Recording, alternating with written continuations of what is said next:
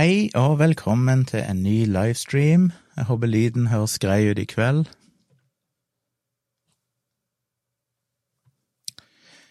Eh, bare for å ha logga dette, så er det altså eh, natt til 11.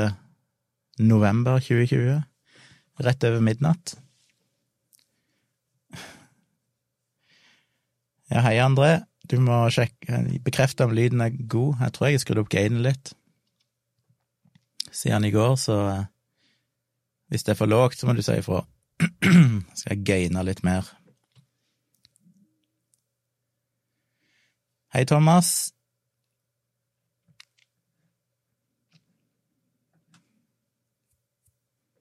André bekrefter at lyden er bra, det er godt. Jeg har lagd meg litt kaffe. Nattkaffe. Det er viktig å ha. Thomas mener at lyden er litt lav, men ikke kritisk lav. Hm, skal jeg tolke det? Motstridende, motstridende informasjon her ifra seeren.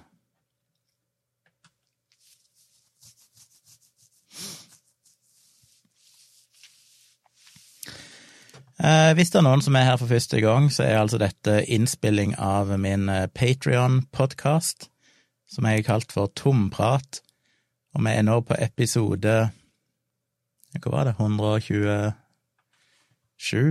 Et eller annet sånt.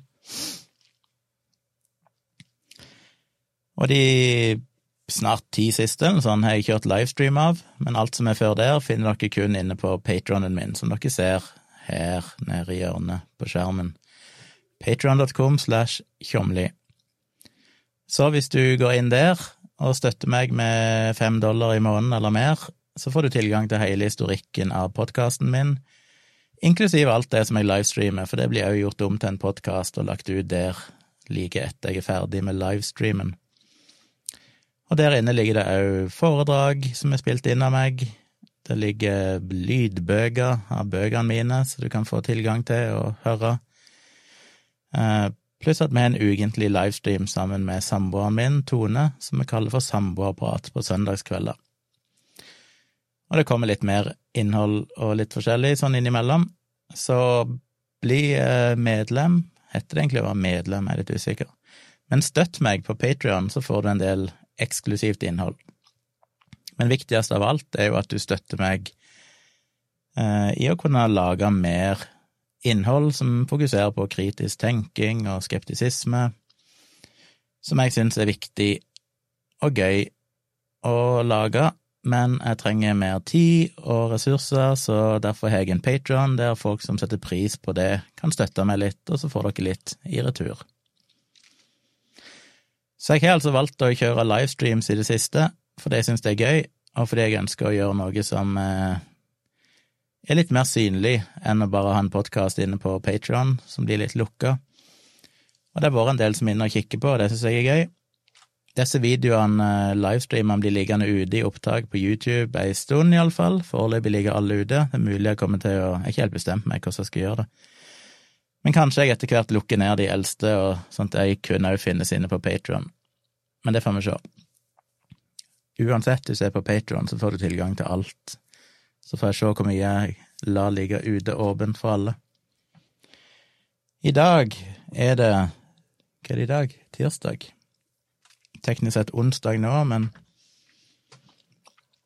vi har nettopp overlevd en tirsdag til.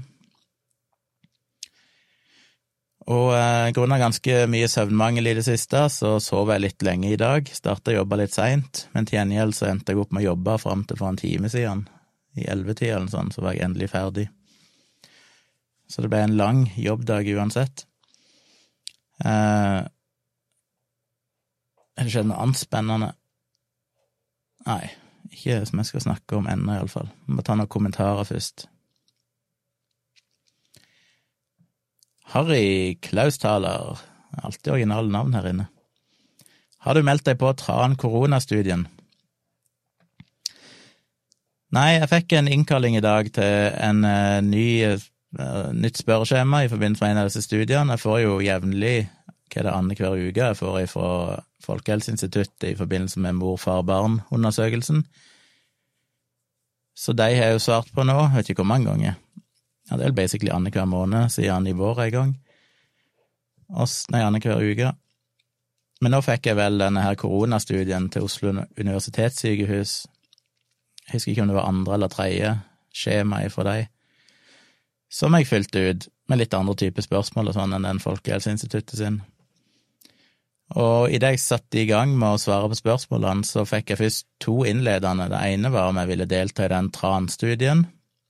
Eh, det kunne jeg ikke, fordi jeg tar D-vitamintilskudd hver dag, og da var jeg ekskludert og kunne ikke være med. Som er like greit, for jeg er ikke noen stor fan av tran. Uansett. Um, og så del to var at jeg ble spurt om jeg ville avlegge en blodprøve, og det sa jeg ja til. Så det er jo ikke sikkert jeg får det i posten, men et utvalg av de som sier ja til det, vil få et brev i posten med en sånn enkel greie du stikker i fingeren, og så returnerer du det til Oslo universitetssykehus, eller hvem det er som skal ha det.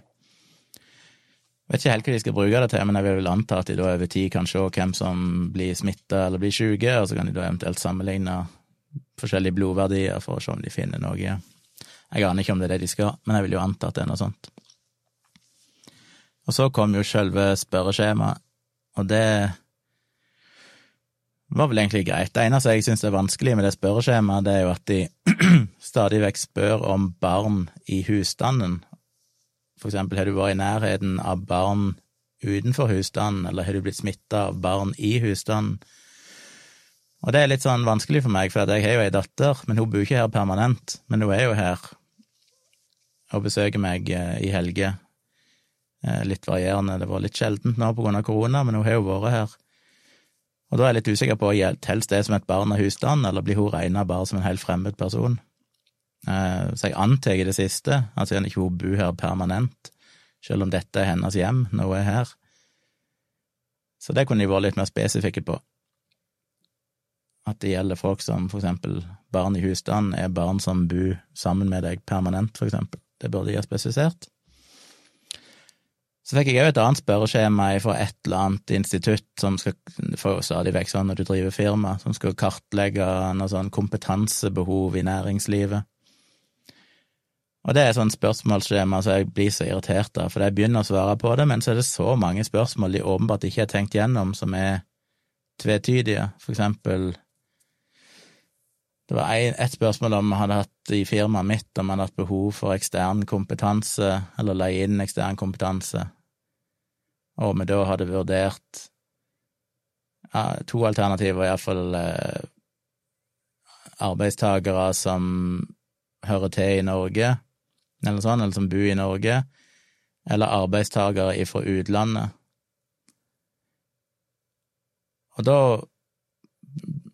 ja, De hadde formulert det på en måte, de sa vel ikke bo i Norge, disse arbeidstakere som allerede jobber i Norge, eller sånn, eller arbeidstakere fra utlandet, eller sånn. Og så ble det så vanskelig, for det er sånn, jeg mener de da du skal, om det er aktuelt å ansette noen som bor i et annet land for at de skal sitte der og jobbe, altså hvis jeg ansetter noen i Frankrike, som skal sitte i Frankrike og jobbe remote? Eller mener de at jeg skal ansette noen som da må flytte til Norge?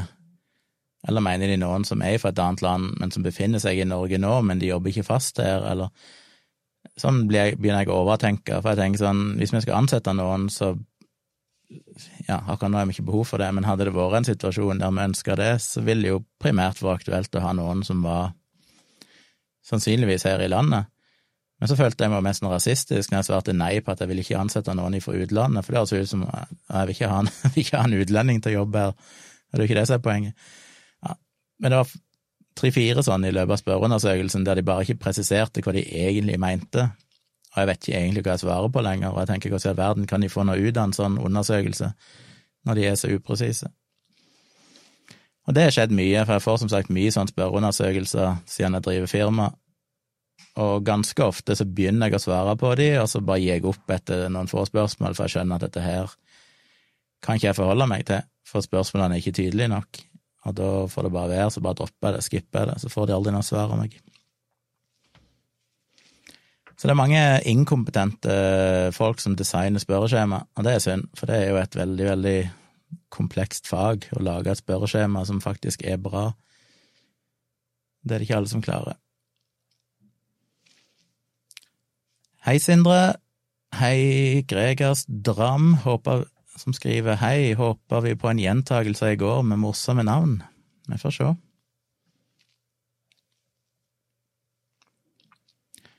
Thomas skriver at han òg fikk samme skjema og takka nei til transtudien av samme grunn som meg, for han tar D-vitamin, og får sure oppstøt av tran selv om smaken ikke er så ille.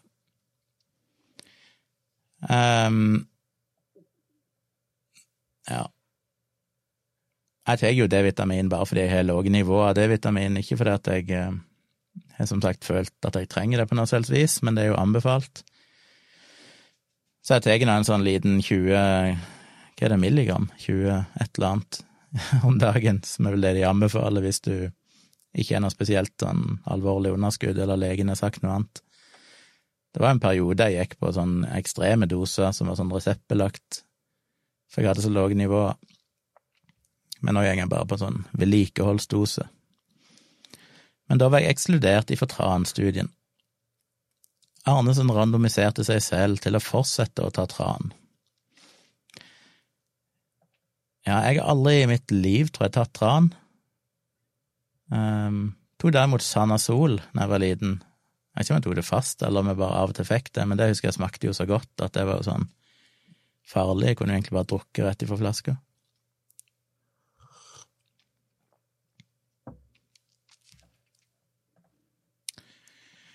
Men ellers har vi sittet og sett på denne her eh, nye dokumentaren på NRK om eh, Merete-saken.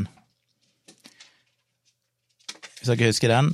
Det var jo i 1988 at hun forsvant sporløst og aldri er funnet igjen.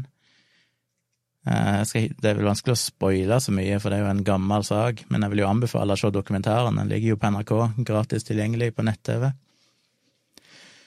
Og jeg syns den er egentlig en bra dokumentar så langt. Men det som sjokkerer meg atter en gang, selv om til deres forsvar så skjedde dette for 30 eh, år siden omtrent, men i den saken så var jo Thomas Quick involvert en periode. Nå har ikke jeg sett ferdig hele dokumentaren, og jeg husker jo ikke alt sjøl hvordan ting utspilte seg, men Men Thomas Quick endte jo opp med å eh, innrømme at han hadde drept, kidnappa og drept Merete. Therese, sorry. Therese. Hva heter navnet nå igjen? Johannessen?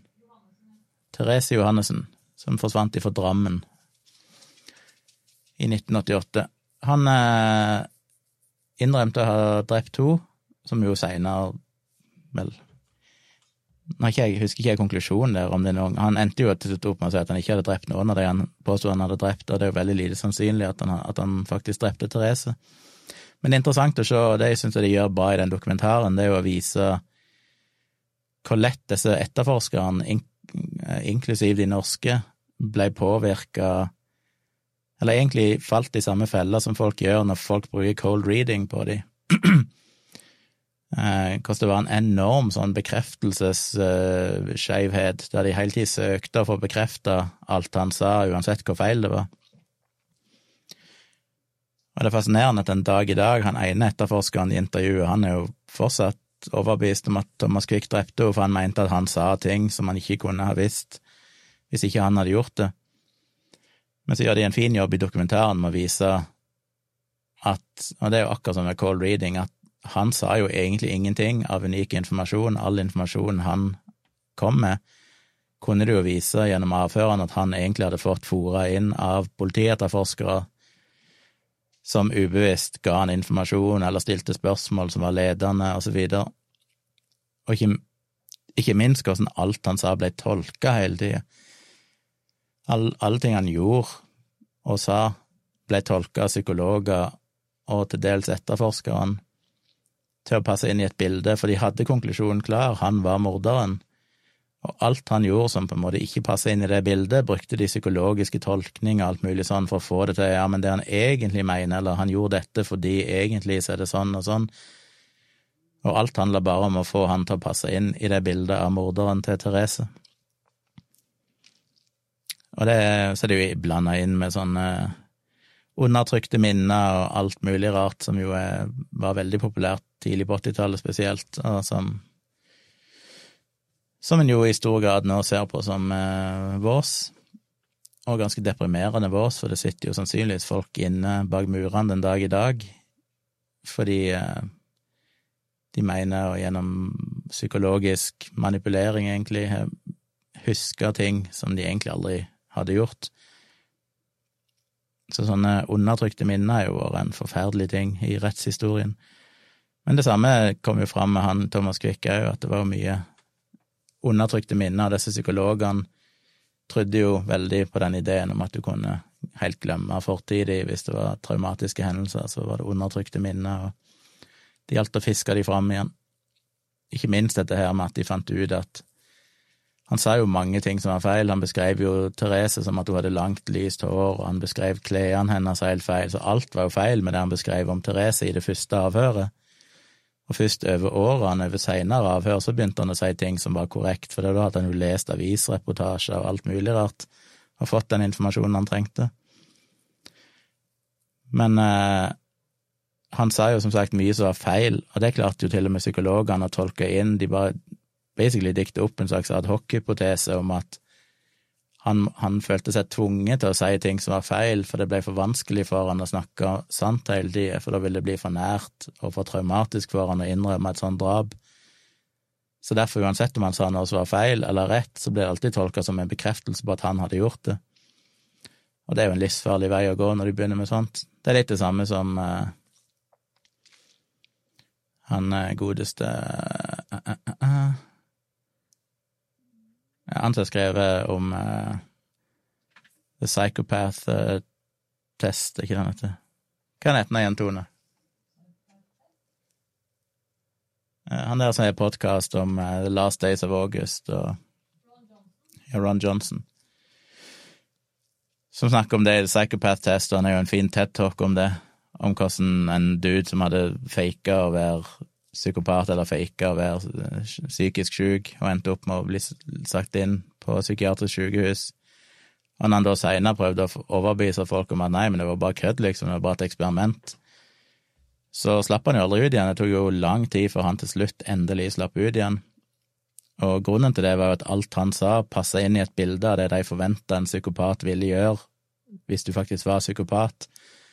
Så alle argumentene han brukte for å argumentere seg vekk ifra at han var psykopat, var jo ting de tolka som at ja, men det er jo akkurat det en psykopat ville sagt, hvis de prøvde å lure noen til å tro de ikke var psykopat, ikke. Så det, det blir sånn bekreftelsesskjevhet at alt du sier da kan tolkes inn til å bekrefte den konklusjonen du allerede har. Og det er trist å se, og jeg tenker bare når jeg sitter og ser på det, og det tenkte jo meg og Tone på allerede før de begynte egentlig å eksemplifisere det nå i den siste episoden vi så i podkasten, så så vi jo ganske tidlig hvordan Når vi snakket om det i forrige episode, for da satt jo Thomas Quick i en bil og skulle vise de denne her dette borettslaget, eller i blokkene der hun, Therese ble tatt. Og allerede da snakka vi om det at han sitter i bilen, og så forteller han etterforskeren nå i dag liksom at han viste akkurat hvor du skulle kjøre, han sa du skulle kjøre til høyre der og opp der, og kjente igjen alt. I denne episoden så viser det jo at han gjorde jo slett ikke det, han satt jo bare og sa random ting, og så var det noen som tolka han, som visste hvor det var hen, som hele tiden tolka alt at han egentlig mente sånn og sånn, og, og basically leda de fram til riktig sted. Men det snakket vi om i forrige episode, hvordan det er så klassisk, det der. Det er så klassisk eh, Ja, hva kaller du det? ja, iallfall det at du bare hører masse ting og så tolker du inn i det bildet det du ønsker skal være sant. Jeg sa jo det til Tone, at jeg skal vedde på han ikke pekte de fram til den leiligheten eller den blokka, at de sannsynligvis har tolka bevegelser han gjør, eller motsatt, at han har tolka de andre i bilen som vet hvor de skulle hen, og basert på subtile kroppsspråk og alt mulig sånn, så kan han tenke seg fram til hvor de burde kjøre hen, for eksempel.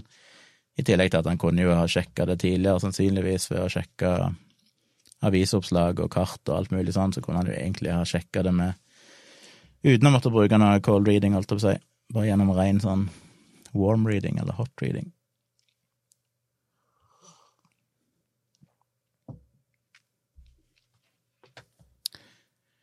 Så jeg vil anbefale dokumentaren, men det jeg tenkte på som var poenget mitt etter den ranten, det var bare det at eh, jeg håper jo, og jeg tror vel kanskje at politietterforskere i dag er mer trent i den type ting, at de er mer bevisste på dette med Jeg vet jo iallfall at avførsteknikker og sånn har jo forbedra seg mye bare de siste årene. At de er blitt mye mer oppmerksomme på hvor lett det er å stille ledende spørsmål og alt mulig sånn. Men de trenger jo virkelig en omgang med kritisk tenking. Jeg fikk jo lyst til å Det er jo sånn, en sånn sak de skulle ha sendt eh, James Randy inn på, så bare busta hele greia tidlig. De trenger det kurset. Det bare slår meg i så mange saker, enten det er høyt utdanna, det kan være leger, det kan være alt mulig akademiske folk som er veldig smarte og flinke i sitt fag, men hvis du ikke har lært deg de der psykologiske mekanismene folk bruker, og hvordan du skal tolke folk, og hvor lett det er å lure seg sjøl, så er det ufattelig lett å nettopp gjøre det, og, og, og falle i feller til bekreftelsesskeivhet og sånn, og det ser en jo skje innenfor forskning stadig vekk. Og som sagt, jeg vet de har blitt flinkere til det, blant annet på medisinstudier og sånn, men jeg håper det er noe de legger virkelig vekt på i, i politiutdanning, for det, det er noe som trengs, den rene kritiske tenkinga, og forstå de her mekanismene som ligger inne i cold reading og alt dette her. Det er så ufattelig lett å la seg lure. Og når jeg ser sånn som hun eh, Politiet eh, Hun eh, Hanne Kristin Rode, som jo gang på gang sverger til at Snåsamannen har helbreda sønnen hennes og alt mulig piss så merker jeg at jeg blir kritisk og skeptisk til igjen. Det er bare sånn klassisk eksempel på hvor lett det er å la seg lure, og at selv om hun sikkert er veldig dyktig i sitt fag, så går hun i den fella, for hun har ikke lært seg å skjønne at eh, hvordan vi søker disse mønstrene, hvordan hjernen vår på mange måter har hardkoda til å gå i de fellene hvis ikke du aktivt klarer å unngå de, og det krever en del kunnskap og arbeid om hvordan dette her fungerer.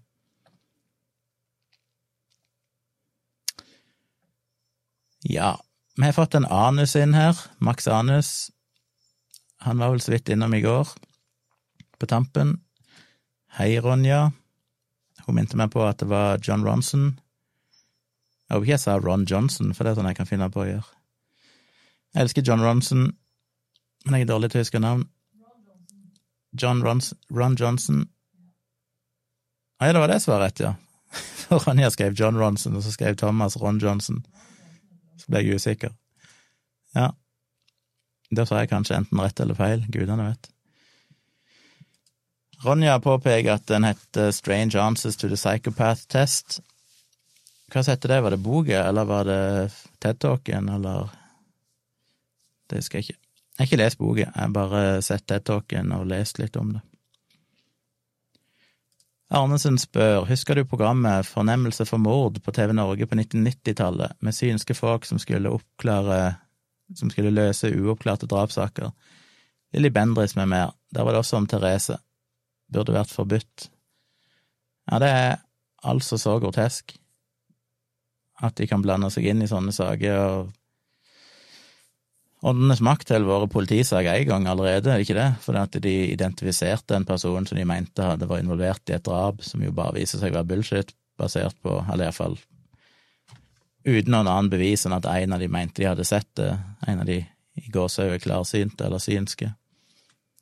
Og det er jo så helt ufattelig at det er mulig. Det burde rett og slett vært forbudt om ikke forbudt ved lov, så burde iallfall TV-kanalene ha en sånn lignende Vær varsom-plakaten, at uh, du lager ikke sånne type saker om ting i nærmiljøet, holdt jeg på å si, noe som folk som ser på, i stor grad kan være involvert i, eller kjenne seg igjen i, eller skape minner.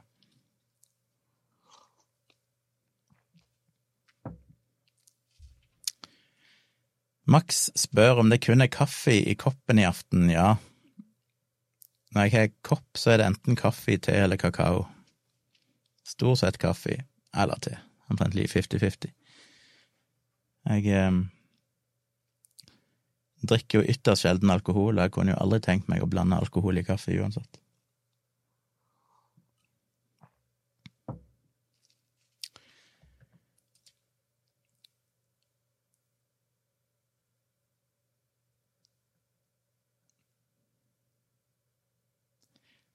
Nå er så forvirra, nå må jeg google hva han heter her.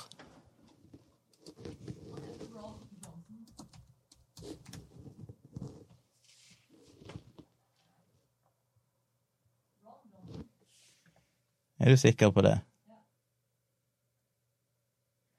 Det er en amerikansk senator som heter Ron Johnson.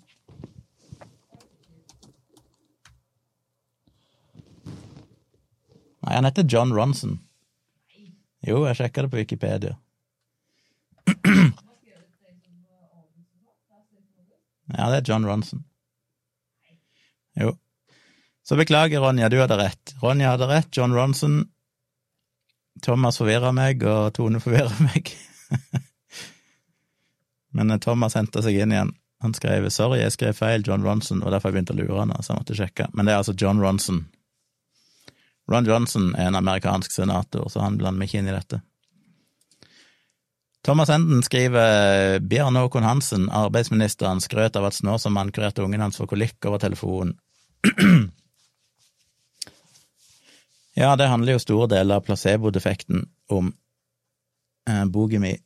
der bruker jeg jo denne historien om Snåsamannen og Bjørn Håkon Hansen som en sånn rød tråd gjennom iallfall første tredjedelen av boka. Der jeg plukker ifra hverandre den historien hans og viser til eksempler, eller bruker det som et sånn utgangspunkt for å forklare forskjellige psykologiske mekanismer, hvordan du kan lure deg sjøl. Og det morsomste med den historien er jo selvfølgelig at eh, kona hans, eller ekskona, eller XXX-kona, for han var gift tre ganger eller sånn, mora til denne gutten, hun benekter jo at uh, Snåsamannen hadde noe med dette å gjøre, men Så det viser vel litt hvor lett det er å la seg lure. Thomas spør om jeg får sove etterpå når jeg drikker kaffe klokka tolv. Ja, det har aldri vært noe problem. Max mener at han heter Ron Swanson. Det kan òg være en mulighet, hvis vi følger nattens tema. Cream Pie Lars. Kan vi ikke få en bukake-birger snart? Hvem av dine topp tre inspirasjonskilder? Sånne spørsmål er så vanskelige, for det er sånn jeg må tenke på i noen uker. Tror ikke jeg kan Hmm. Kom an på inspirert til hva da? Um,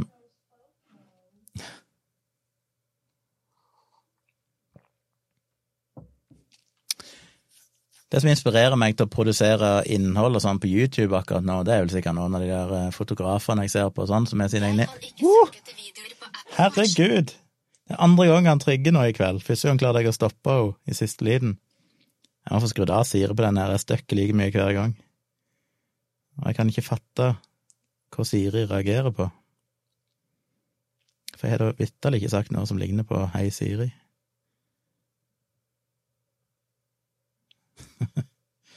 Det reagerte Siri, ja. Skal vi se. Inspirasjonskilde. Ja, de her eh, fotografene og MKBHD og alle de her folkene som driver og produserer innhold.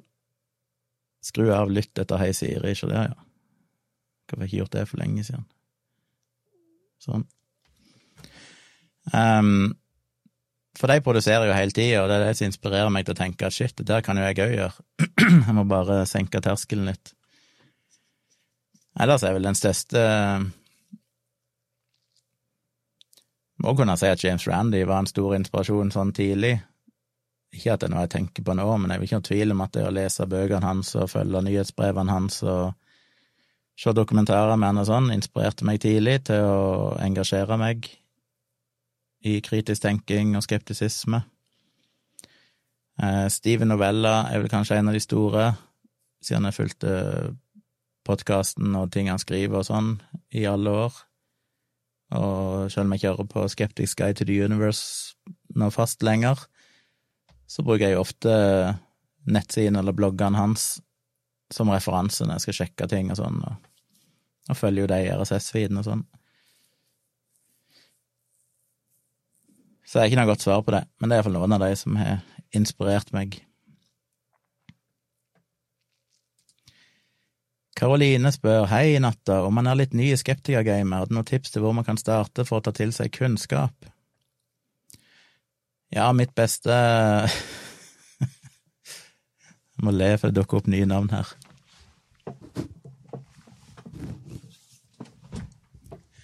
Jeg må vel plugge boka mi, som jo eh, Første bok jeg skrev, første av to,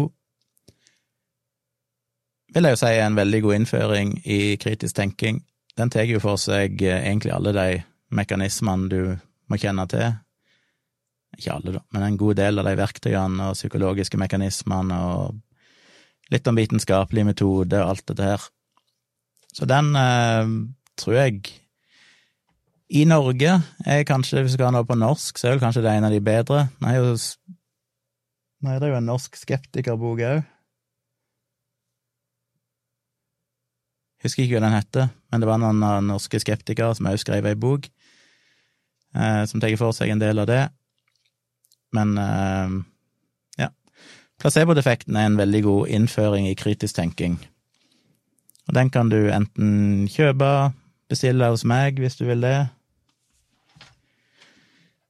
jeg skal slenge opp eh, den på skjermen. Hvis du går inn på tjomli.com bestill, så kan du bestille den enten som papirbok, eh, i hardback eller pocket, eller som lydbok.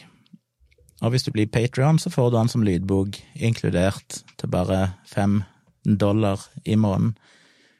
Så kan du høre meg lese hele boka for deg. Der ligger den òg som video, så du kan se meg lese hele boka for deg over Hvor mange var det? Elleve episoder, eller noe sånt?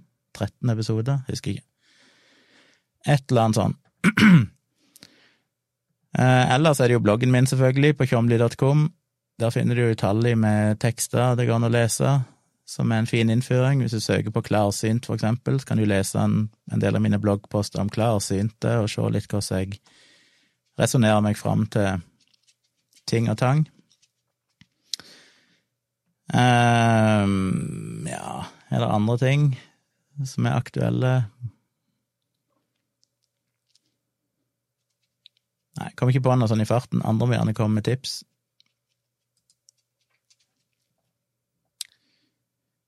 Uh, nå må jeg gå opp igjen her.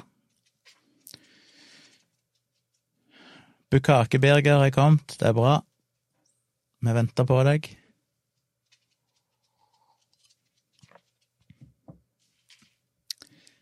Karoline spør om det kommer dialogisk denne uken. Ja, den skal vi spille inn i morgen. Eller teknisk sett seinere i dag. Men eh, klokka seks nå på onsdag, i dag altså, seinere i dag, 11. november, så blir det livestream og innspilling. Eh, denne gangen blir det kun på YouTube, ikke på Facebook. Men hvis dere går på youtube.com slash dialogisk, så finner dere YouTube-kanalen, bare abonner på den. Så finner dere eh, den livestreamen når den starter klokka seks, og så kommer podkasten dagen etterpå, på torsdag, regner jeg med. Så litt forsinka. Erik Arnesen til Karoline boka Åpen sinn eller Høl i huet av Arnfinn Pettersen med flere er en god start, eller boka Skepsis fra 2012. Ja, var den Skepsis, het han bare Skepsis? Han gjorde kanskje det. Det var den jeg tenkte på. Jeg må innrømme at jeg aldri har lest bok i Skepsis, fordi da de begynte å skrive den, så ble jeg spurt om jeg ville bidra, men da hadde jeg akkurat begynt å jobbe med denne boka, og jeg kunne liksom ikke begynne å fokusere på en annen bok samtidig med min egen bok, så jeg takka nei til det. Og så ville jeg heller ikke lese den boka, selv om den kom ut et år før mi, fordi jeg var så livredd for å føle at jeg plagierte noen ting.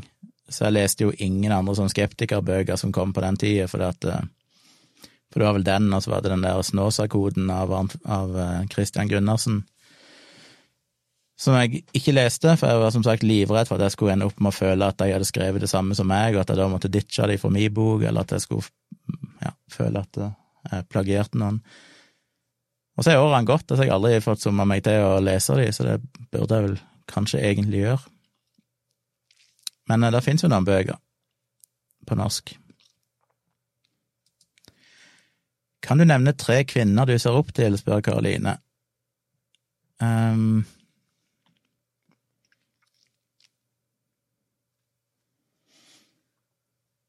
kommer toen inn som et sånn hint. Hvis du ikke sier meg, nå så blir jeg fornærma. Nei, men du kan svare at det er Kyla. Så opp til Kyla. Ja. Kyla, du må si hei til de som ser på. Hun er ikke så glad i YouTube. Ja. er tre kvinner jeg ser opp til. Jeg ser jo gen- generelt sett så er jeg vanskelig for å nevne sånn helter sånn, for det er ikke så mange jeg egentlig ser opp til på den måten. Eh, men eh, som jeg vel nevnte i Når nevnte jeg det? En av de tidligere episodene her når jeg snakket om eh, at meg og Tone var i Las Vegas i fjor, så var det jo Så møtte vi jo eh, Susan Blackmore, som litt på samme måte som James Randy var en av mine tidlige inspirasjoner. Begynte å lese bøker av henne litt sånn tilfeldig, og hun var en av de Jeg krediterer jo ofte hun med å være den som fikk meg virkelig til å begynne å engasjere meg for skeptisisme. Eh, fordi jeg leste Jeg var opptatt av nær døden-opplevelser og sånne ting, og leste mye piss om det, og så plukka jeg med meg ei bok fra biblioteket som heter Dying to Live av Susan Blackmore, som jeg trodde var atter en sånn bok om de fantastiske, spennende nær døden-opplevelsene.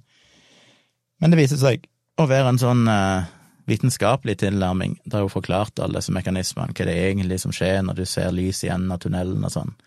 Jo, det kan være cellene i netthinnen eller hva det var, som begynner å miste oksygen utenfra og innover, så det snevrer seg inn, og de blir mer lysfølsomme, så du ender opp med å bare se et intenst lys i midten. Og, og det var en sånn vekkelse for meg. Jeg var sånn shit, det der er jo så mye mer spennende enn mystisisme. Så Susan Blackmore er jo definitivt eh, Det er ikke sånn at jeg går rundt og tenker på henne som et forbilde generelt sett, men eh, hun var jo en av de store inspirasjonene til at jeg er der jeg er i dag. Men som vanlig er jeg vanskelig for å komme på folk, så jeg må nok sikkert tenke litt. Det er jo en del kvinnelige youtubere jeg ser på, selvfølgelig, som inspirerer meg til å lage content, men de er jo ikke akkurat sånn skeptiske nødvendigvis, de er vel mer bare produktive. Karoline skal sjekke ut bøkene mine. Det er bra, Karoline. Hvis eh, dere vil ha boka veldig billig, så går det jo an å bli patron. Og hvis du da hører lydbøkene fort i løpet av en måned, så, så får du hele greia til en 50-lapp. Men du kan jo kjøpe de som eh, e-bøker og sånn, så hvis du leser de på Kindle eller, eller på eh, iPad, så finnes de som e-bøker òg. Men da må du gå inn på diverse bokhandler eller humanistforlag. Men på tjomli.com slash bestill så kan du få de signert, så da får du en unik versjon med min signatur og en liten hilsen og navnet ditt i, hvis du vil det. Kamasutra, Sigrid. Plass til en tilsæring her inne. Ja, selvfølgelig, selv om jeg er litt skuffa over at det ikke var noe sånn bokstaver i navnet ditt. Det burde vært Kamasutra Kari. Nei, Sigurd var det, ikke Sigrid. Hvis det er mann, så må det være Kamasutra Kalle, eller Kåre. Henger de skriver ha-ha, mange gode navn i kveld også, ser jeg. Ja. Vikram spør, har du lest Pinocchio-effekten av Henrik Diamant? Nei. Fortell gjerne hva den handler om. Kjartan Råen, er du åpen for å prate om dine saker live, eller er det mer bekvemt å sitte selv og bare prate? Det skjønte jeg ikke. Er du åpen for å prate om dine saker live, eller er det mer bekvemt å sitte selv og bare Jeg skjønte ikke spørsmålet. Det må du utdype. Ronja er på eh, emoji eh,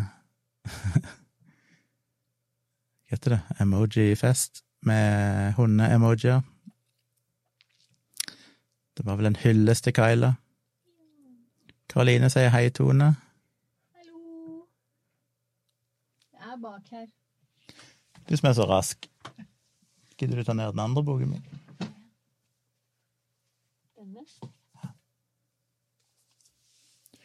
Siden jeg er på eh, pluggenivå her nå, så må jeg jo vise den andre boken mi. De som er patrons, er jo drittlei av å høre om dette, men uh, min andre bok heter Håndbok i krisemaksimering. Og det vil jeg òg definitivt si er en bok om kritisk tenking, bare at den tar for seg mer moderne mediesaker, ting som har vært i avisene, hvordan du skal forholde deg kritisk til media primært, og tenke kritisk rundt bruk av statistikk og risikovurderinger og alt mulig sånne ting. Så begge de bøkene er jo tilgjengelige og er gode innføringer i kritisk tenking.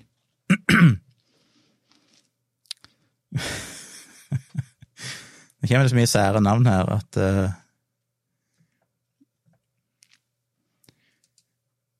Kamasutra Sigurd ble uh, fornærma. Beklager, jeg bestemte ikke hva foreldrene mine skulle døpe meg, Roland. Nei, det er sant, vi, vi kan ikke ta ansvar for det. Karoline skriver at Karoline betyr fri mann, kommer av Carl. Hva betyr ditt navn, deres navn? Mitt navn, Gunnar, det betyr Hva betyr noe igjen det? Er ikke det noe med kriger, eller Nei, jeg google.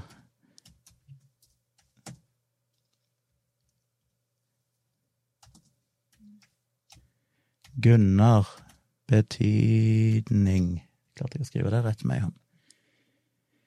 Ja, Gunnar er et mannsnavn med opprinnelse i de norrøne ordene Gunnar, som betyr kamp, strid eller krig, og endelsen arr, som er dannet av det unordiske ordet harjar, og betyr kriger eller hær.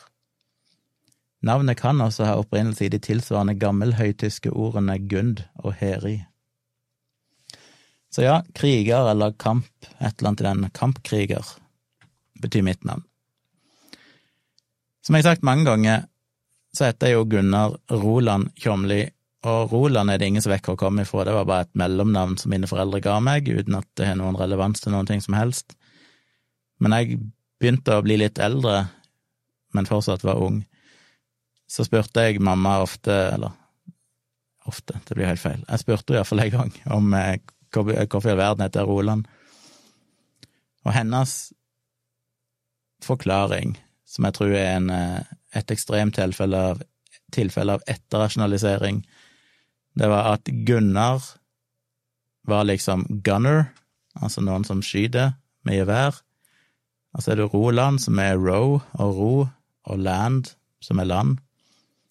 Så hun så for seg at jeg skulle bli et veldig sånn villmarks friluftsmenneske, som gikk på jakt og rodde og gikk turer i fjellet. Det var hennes forklaring. Gunner, row, land. Men hun tok jo skremmelig, skremmende, skammelig feil. For jeg er verken eh, blitt noen jeger, og ikke er glad i natur og villmark, så Men hvis en skal ta den andre tolkninga, at Roland er navnet på en eh, musikkinstrumentprodusent som spesielt er kjent for å lage synthesizere, så stemmer det jo, for jeg begynte jo tidlig å spille piano, og spilte jo synt i band og forskjellige sammenhenger, og da spilte jeg på en Roland synt, og nesten alt musikkutstyret jeg kjøpte var Roland, for jeg følte meg jo forplikta til det. Så jeg hadde Roland synt og alt mulig sånn. Så det var kanskje en pekepinn om at jeg skulle bli en uh, syntspiller en dag i framtida, og det hadde hun jo rett i.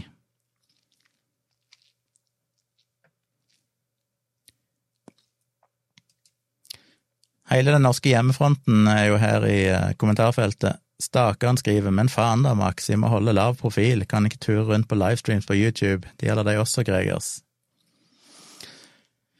Ja, skulle hatt åndenes makt her, for her gjenger jo tydeligvis folk igjen i kommentarfeltene på YouTube.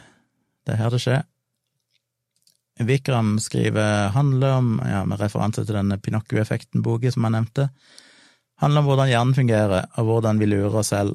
130 sannheter om hvordan du fungerer. Ja, det høres jo interessant ut. Greger skriver skal møte noen tyskere på Plasskafeen. De har visstnok informasjon om Gestapo. Burde jeg? Dette her eh, blir mer og mer mystisk. Andrea skriver at Roland og Boss er jo egentlig samme firma. Ja, det hadde jeg glemt vekk, men jeg visste det faktisk. I den tida jeg var engasjert i dette, så var det en ting jeg visste. Det ringte iallfall noen bjeller, så jeg antar jeg visste det, for det var ikke ny informasjon, men jeg hadde glemt det vekk. Men det er mest av alt fordi et boss har jeg hatt lite å gjøre med på veldig lang tid. Hva er det jeg assosierer deg med mest? Det var gitarpedaler, var det ikke det? Uh, jo.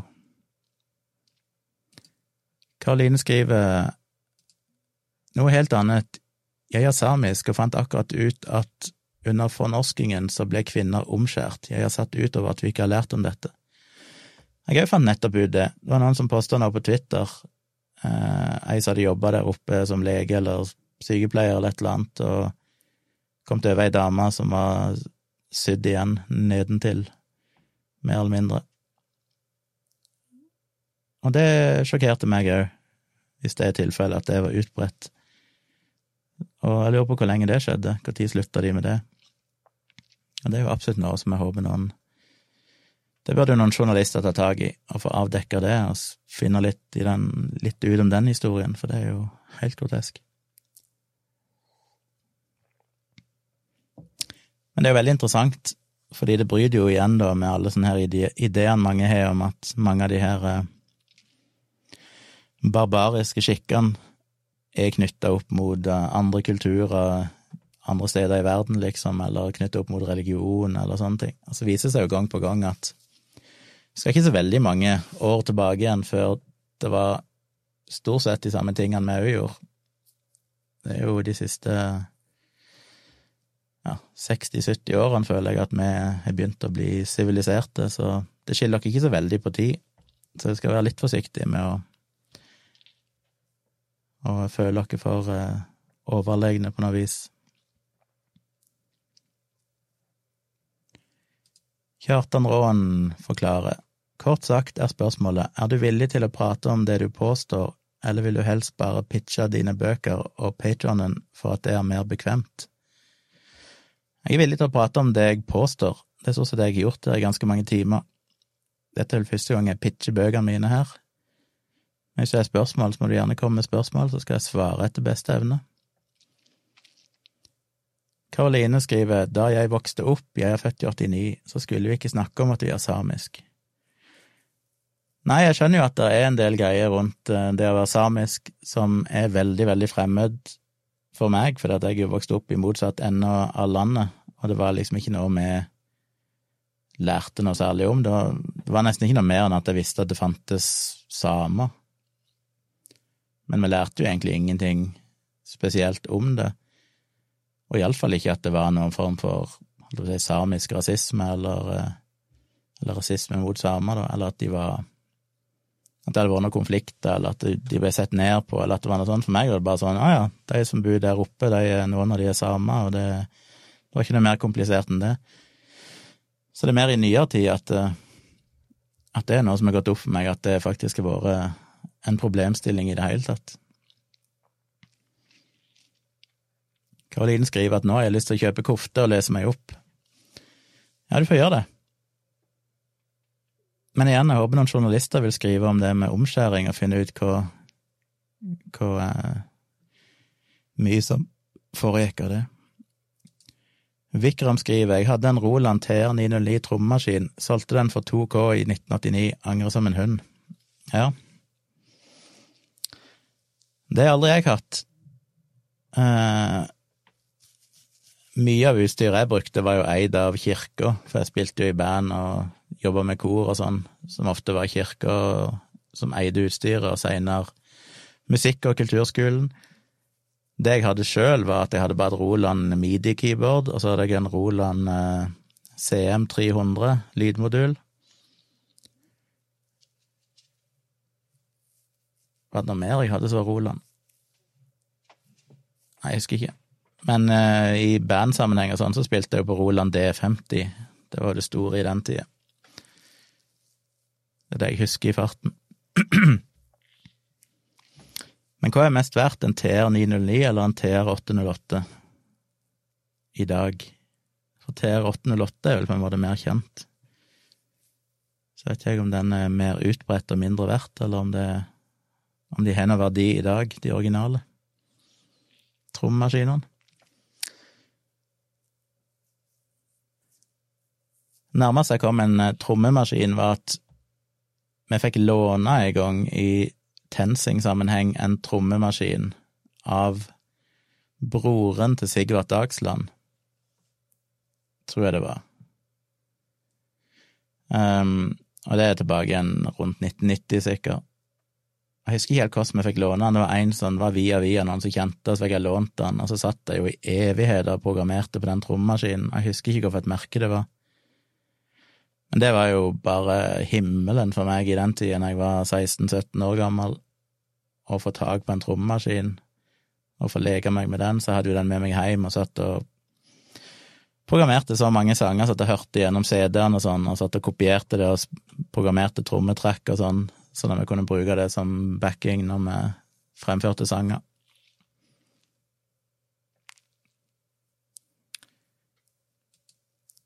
Karoline spør går det bra med dere oppe i koronasituasjonen, ser det var mye smitte i går, håper restriksjonene hjelper, her i Bergen er det jo også ganske heftig. Ja, det går bra med oss, tror jeg. Fikk jeg SMS i går om at det var nå covid-19-sjuke folk her i borettslaget, så de minte dere på å være ekstra nøye med håndhygiene og sånn. Det er jeg jo uansett, og uansett så omgås jeg jo ikke noen andre som bor her, men uh, ja, det er jo nært på. Dattera mi har jo hatt hjemmeskole nå i omtrent to uker, begynte vel igjen i går, fordi det var ei som var smitta av covid-19 på klassetrinnet hennes. Så da ble hele skolen, eller hennes trinn iallfall, og noen klasser, ble jo da sendt hjem og måtte ha hjemmeskole i et par uker. Så det er jo i omløp, og tallene ser på de kurvene, så er det jo ganske deprimerende. Du har liksom den toppen i mars, og så synker det relativt rolig i sommer, men så ser du nå, siste ukene igjen, så begynner det å gå opp.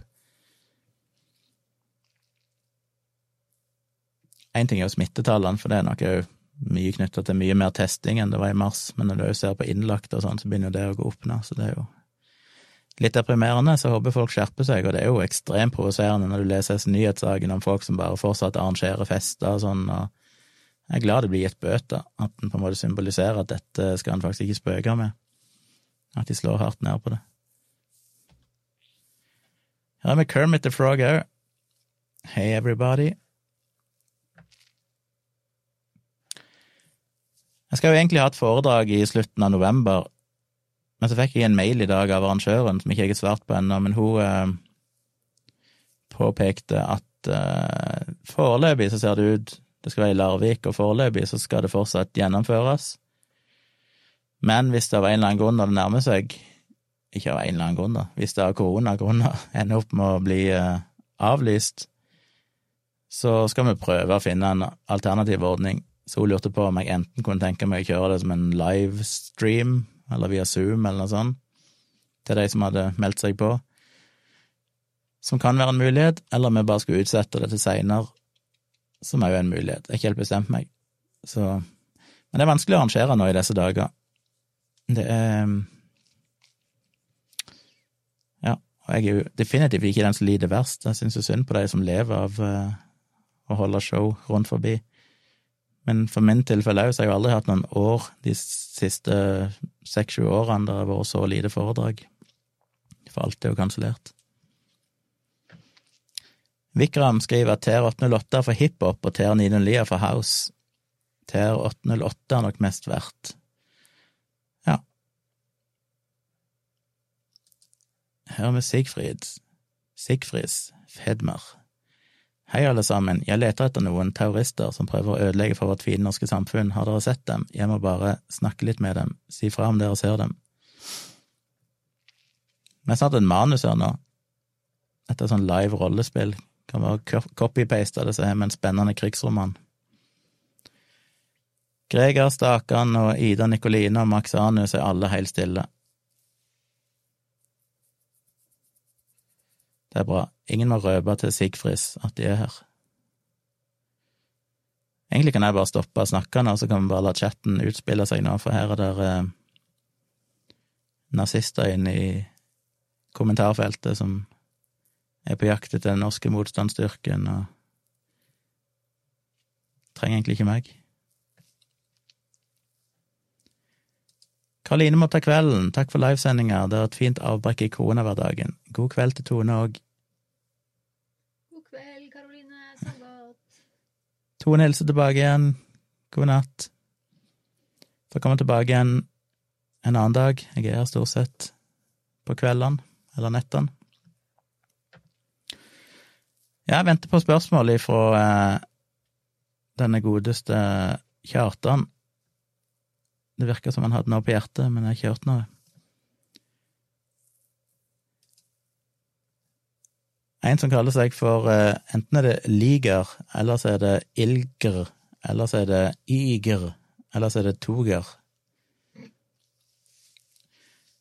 Hva, som spør hva kan jeg gjøre med faren min som nekter å ta hensyn til epidemien, han har også antivakser, anti-5G, anti-wifi, begynner å bli slitsomt.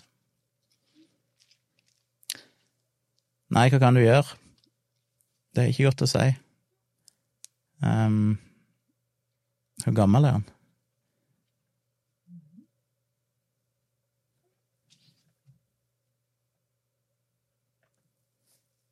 Du får vise han videoene mine. Jeg har jo 5G-videoer og uh, Kari Jakkesson-videoer forskjellig. For sånn, om, om det hjelper. Ellers får du se videoen min eh, ti tips til hvordan snakke med en konspirasjonsteoretiker. Så se om du får noen tips der til hvordan du skal angripe det.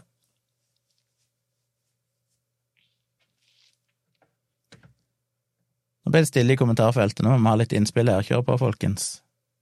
Jeg venter spent.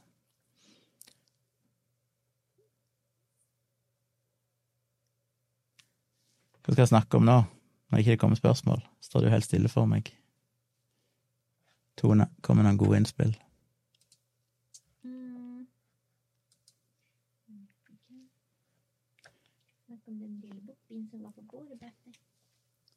Er det en hund på bordet? Slaps spør har du fargekalibrert skjermene dine, hvis ja, hvilken hardware-software brukte du? Ja, det har jeg faktisk, og jeg har brukt denne.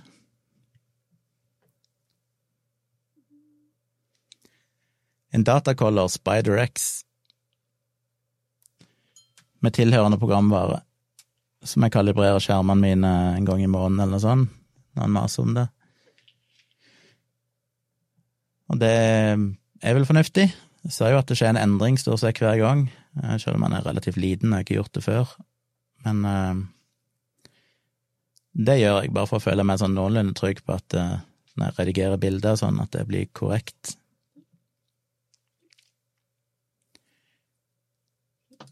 Creampiler spør syns du retorikken til Sylvi Listhaug utgjør en fare for samfunnet? Uh, ja, jeg syns jo det.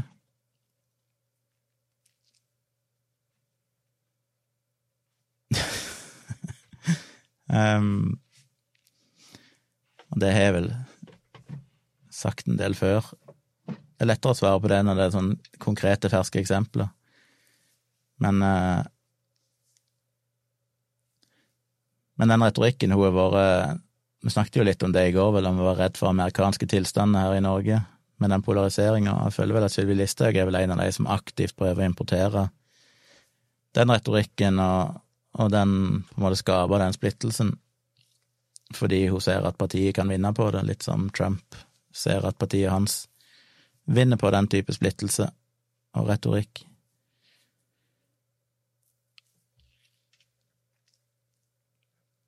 Kjartan skriver du kan jo bare invitere meg inn, så kan vi jo prate om det istedenfor. Nei, det har jeg ikke tenkt å gjøre. Hvis ikke du kan stille spørsmålet offentlig, så får du heller ikke noe svar offentlig. Kermit the Frog, syns du den norske stat burde tillate at folk bedriver akupunktur, homopati, kiropraktikk og andpiss, er det ikke dumt at vi tillater ting som er svindel? Uh, ja, jeg syns de burde tillate det. Jeg har aldri vært noen tilhenger av at det skal være forbudt. Men uh, jeg syns nok de skulle ha brukt mer ressurser på å regulere markedsføringen. Teknisk sett så er vi et lovverk som sier hva som er lov i markedsføring av alternativ behandling. Men det er jo fryktelig vanskelig å etterfølge det, og hver gang Forbrukerrådet gjør en jobb, eller er det Forbrukerombudet, jeg husker aldri hvem som er hvem, og hvem som gjør hva. Forbrukerombudet er det kanskje, eller er det Forbrukerrådet? Ja, anyway. Gjør en eh, gjennomgang av nettsida sånn til alternative behandlere, så finner de jo gang på gang, selv om de gjør det på nytt med noen års mellomrom, så er det jo gjerne sånn 70% eller sånn av nettsidene finner de jo bryter regelverket. Som primært vil si at de enten kommer med medisinske påstander som ikke de lover å komme med, for eksempel at behandlingen hjelper mot spesifikke sykdommer og sånn, eller at de henviser til vitenskapelig forskning eller anekdoter som gir inntrykk av at det virker, og som kan overbevise folk som ikke skjønner at sannsynligvis er de plukka noen dårlige enkeltstudier og sånn, uten å se på summen av forskning og så videre. Så det er viktig å få regulert det skikkelig, men eh, jeg syns det skal være lovlig. Jeg syns det er vanskelig å forby det, rett og slett fordi at det vil være noen gråsoner som er vanskelig å forby, for eksempel massasje. For, det er vanskelig å forby massasje, på en måte, for det har jo det handler jo om velvære, avstressing og alt mulig sånn, men blir jo òg regna som alternativt i noen sammenhenger. I statistikker og sånn så blir ofte massasje inkludert i statistikkene over hvem som benytter seg av alternativ behandling.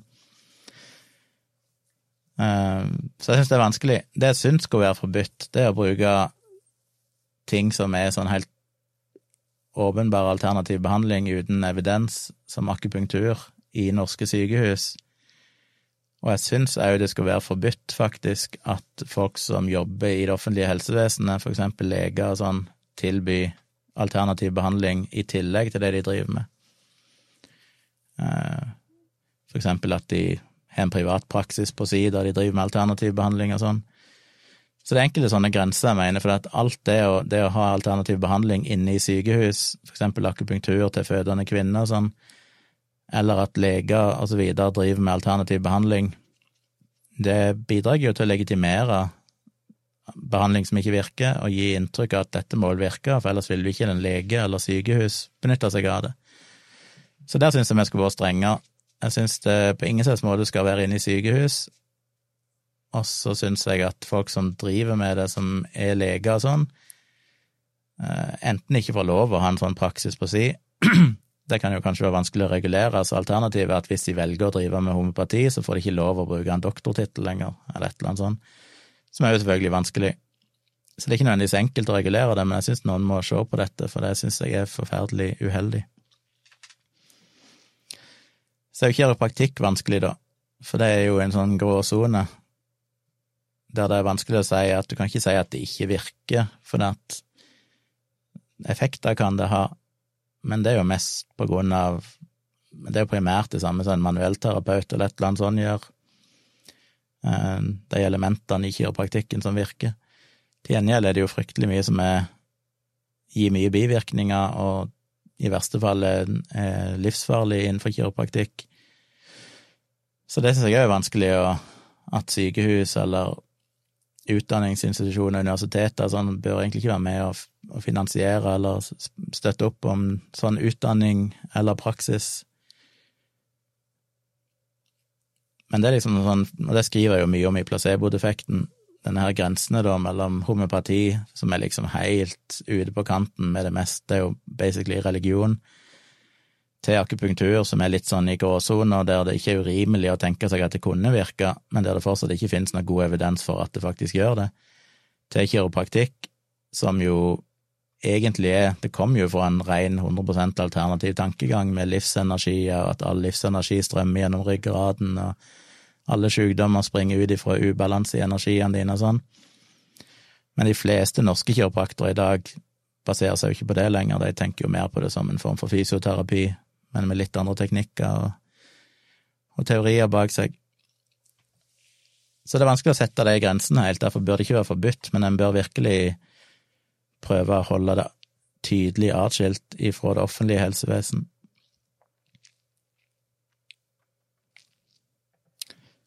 André spør leser du noe som helst sci-fi og eventuelt anbefalinger. Liker ting som Hyperion Expanse Foundation. Nei, det gjør jeg ikke, så jeg kan ikke gi anbefalinger, men kanskje andre i kommentarfeltet kan det. Thomas skriver lenge siden vi har hørt fra Listhaug, heldigvis. Ja, men hun var jo nettopp ute med noe, det var det jeg prøvde å huske i stad, jeg kom så ikke på hva det var. Hun var jo nettopp ute med et eller annet utspill som irriterte meg, men som jeg nå i farten ikke klarer å huske. Det er nesten så jeg må google det.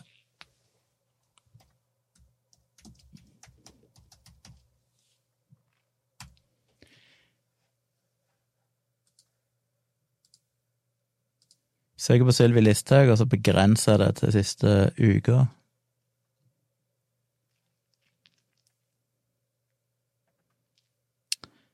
Eh.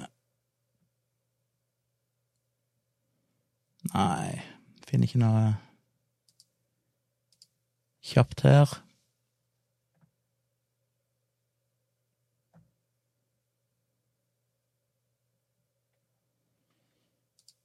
Ja, det er kanskje noe med disse bistanden, nye Frp-budsjettforslaget. Men det er ikke tid til å lese meg opp akkurat nå. Men ja, hun har vært stille ganske lenge. Og det har jo vært fint. Men kanskje hun må komme tilbake igjen nå, så det blir stille for Trump snart, så må vi få litt Listhaug i monitor. Eh, Arnesen svarer til til Liger, eller Ilger, eller et eller annet. Har du prøvd å spørre faren din hvorfor han tror på alt dette, altså hvor han får informasjon fra, og hva han tror om troverdigheten til kildene? Tror ikke det nytter å argumentere mot ham. Nei, det er en av de tingene jeg, skri, jeg sier i den videoen min om ti eh, tips til hvordan du skal snakke med en konspirasjonsteoretiker, det er jo å primært stille spørsmål heller enn å prøve å argumentere. Det er å spørre liksom, ja, hvordan vet du det, hvor har du hørt det, hvordan vet du at det er sant? Og heller pushe bevisbyrden over på deg, at det er de som må argumentere for at uh, de har god evidens, heller enn å prøve å motargumentere. Det er ikke du som skal være defensiv, holdt jeg på å si, det er jo han som burde være defensiv og ha jobben med å argumentere for seg. Men sjekk ut videoen min, der er det jo noen tips. Kanskje det hjelper. Kermit the Frog skriver ikke gjør det forbudte, men slå ned på at de sier ting som dokumentert effekt og lignende, åpenhet om at dette kun er kun placebo etc.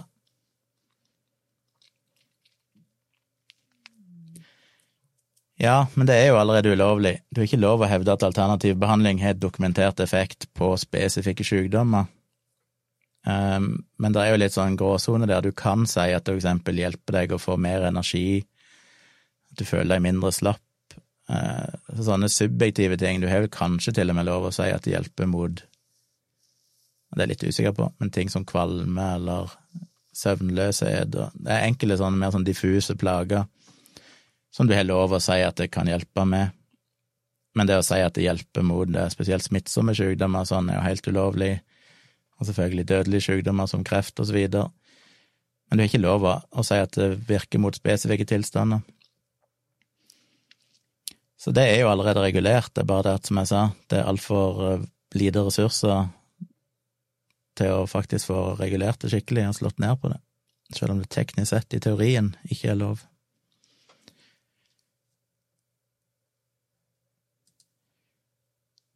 Ilger svarer nei, han leser jo på nettet som vi alle gjør, han er god til å snakke for seg og diskutere, vanskelig når det er så nær familie. Hadde det vært en nær venn, hadde jeg bare avvist og moved on. Jeg skjønner virkelig det dilemmaet, jeg har jo sjøl noen i familien, men heldigvis ikke i min nærmeste familie. Det vil si, ikke mine foreldre og søsken og sånn, men ikke så langt utenfor der så er det en del i familien min som tror på rare ting. Jeg har jo bare avvenna de på Facebook, for jeg orker ikke å se de postene. Jeg har prøvd å diskutere, men det er jo som å, å diskutere med en vegg. Du kan liksom vise helt konkrete bevis og fakta for et eller annet, og så vil de bare fornekte det. Og da er det jo egentlig håpløst å diskutere, for at da Hvis ikke de har Som Ben Goldacre er kjent for å ha sagt, hvis ikke de har kommet fram til standpunktet sitt basert på fakta, så kan du heller ikke bruke fakta til å få de til å endre standpunkt. Og da er du i en litt håpløs situasjon. Så jeg vet ikke. Jeg har jo aldri knekt den koden sjøl helt. Jeg har jo Jeg vet jo at jeg har snudd folk som har vært alltid for antivaksine, til jobber som healer og forskjellig, som har slutta med det etter å ha lest bloggen min, men det handler jo om at jeg har pøst ut argumentasjon og fakta over flere år, i tusenvis på tusenvis av ord. Og hvis folk først syns det er interessant å lese det over tid, så kan jo folk endre mening. Men å møte noen face to face i en debatt, og så skal du liksom forholde deg til folk som overhodet ikke baserer sitt verdenssyn på evidens og fakta, det er jo vanskelig, og jeg prøver jo å styre unna det alt jeg kan. Jeg har jo ikke noen interesse av å komme i sånne diskusjoner, og hadde jeg hatt en nær familie som jeg måtte forholde meg til, som trodde på sånt, så hadde jeg blitt oppgitt, det må jeg si. Det nærmeste jeg kommer, er at jeg har jo en bror som er veldig religiøs, kristen, men vi har jo på en måte bare valgt å ikke snakke om det når vi møtes, fordi hva skal en gjøre? Vi vel hatt noen diskusjoner av og til, men det er jo bare håpløst, så da er det bedre å bare bevare vennskapet, for den er iallfall ikke farlig på samme måten som det å fornekte en pandemi, for eksempel.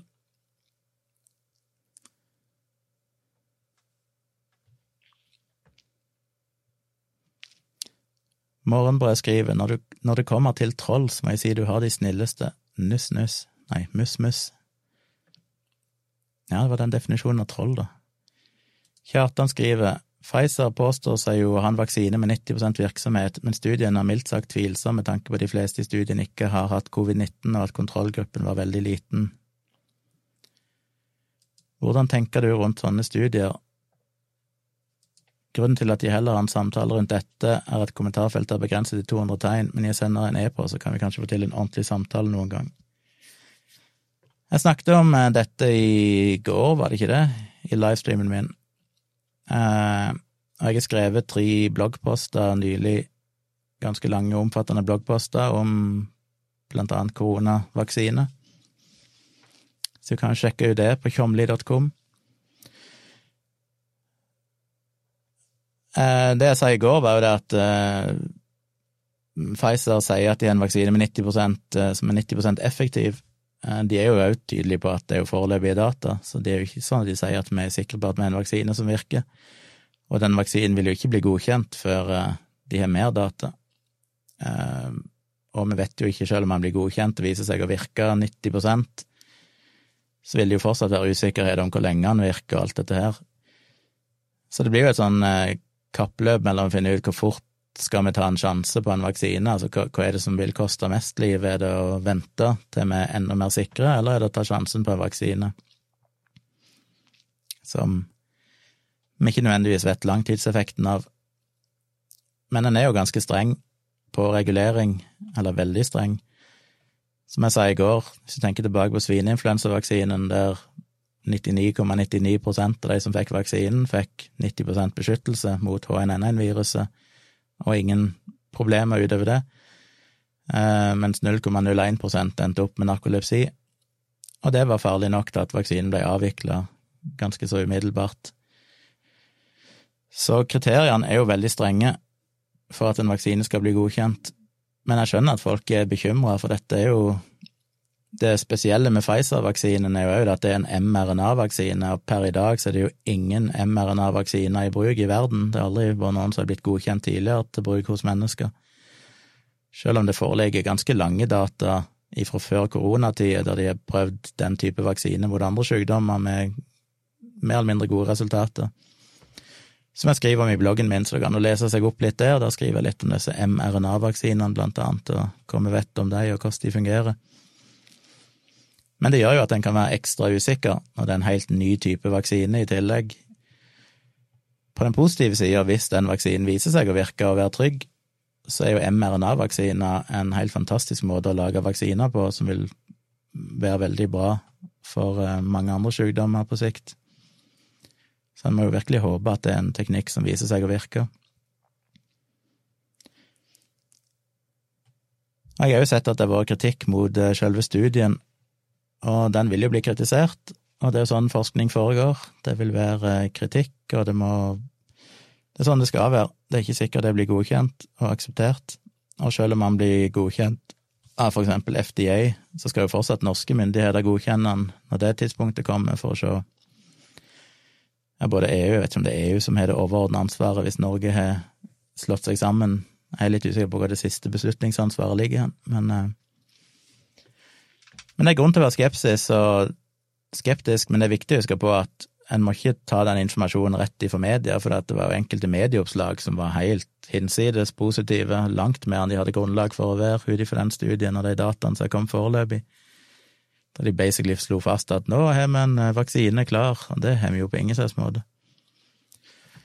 Så vi får vente og se, men de har vel eh, planer om å kunne søke om godkjenning, sånn hurtig godkjenning eller sånn, når var det? Var det allerede i slutten av november eller tidlig i desember eller noe sånt?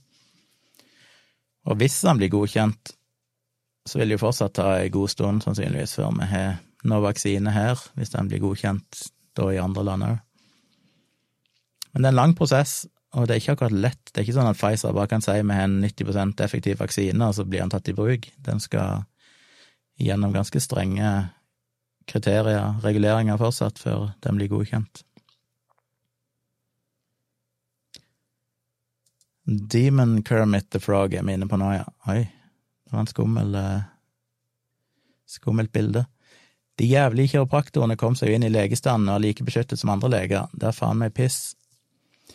Ja, det skriver jeg jo litt om i boken mi, placebo-defekten.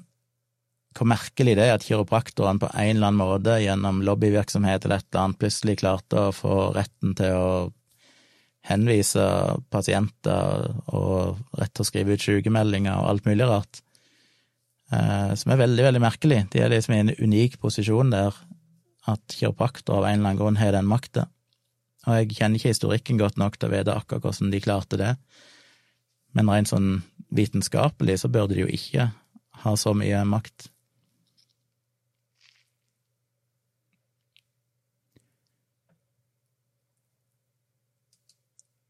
Kermit the Frog i demonversjonen skriver til Kamrud, André Kamrud, vil anbefale boken I Have No Mouth and I Must Scream av Harlan Ellison fra 1967. Den er dystopisk og dark, litt skrekkfuturistisk sci-fi-opplegg. Liten bok, men veldig fet historie. Jeg var dårlig til å lese sci-fi, som er litt dumt, for jeg vet jo at det finnes utrolig mye spennende der som sikkert hadde vært midt i mi gate. Men det er blitt mer eh, serier i type eh, Black eh, Mirror og sånne ting.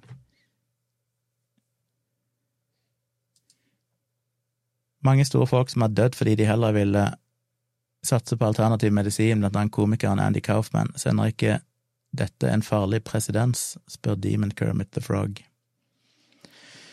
Jo, og um, ikke minst um, Steve Jobs Apples store helt. Um, sender ikke dette en farlig presedens?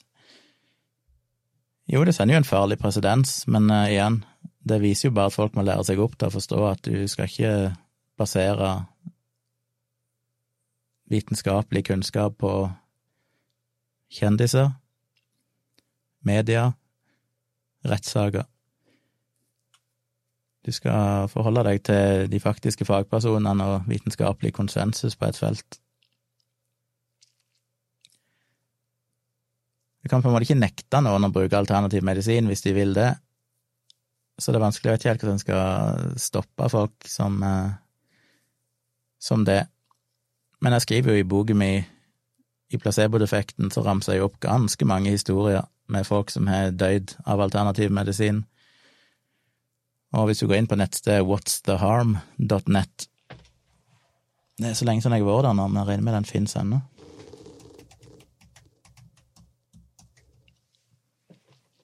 Ja. Whatstheharm.net. Der er det jo ei liste over alt mulig av eh, alternative behandlinger. Og så har de lista opp saker som er fra media, som de har saumfart media får tips om og sånn, om folk som har enten blitt skada eller til og med døyd og sånn av alternativ behandling. I tittelen, eller i ingressen, holdt jeg på å si, øverst på sida, så skriver de 368 379 mennesker drept, 306 096 skada og over to milliarder dollar i økonomiske tap som de har klart å verifisere ut ifra forskjellige saker rundt om i verden. Så det er iallfall ett eksempel. Det går an å gå inn der og sjekke forskjellige behandlinger. Jeg har jo sjøl ei, ei som eh, kom fra mitt hjemsted, som fikk kiropraktisk behandling og holdt på å krepere av det. Hun jo, fikk behandling for nakken, og like etterpå så endte hun på sykehuset fordi hun hadde fikk eh, hjerneblødning, eller hva det var. Eh, så det er liksom et sånn privat eksempel på det som er noe av det farligste med kiropraktisk behandling, og Du bør aldri la en kiropraktor behandle deg over skuldrene, er det jo et godt råd som sier.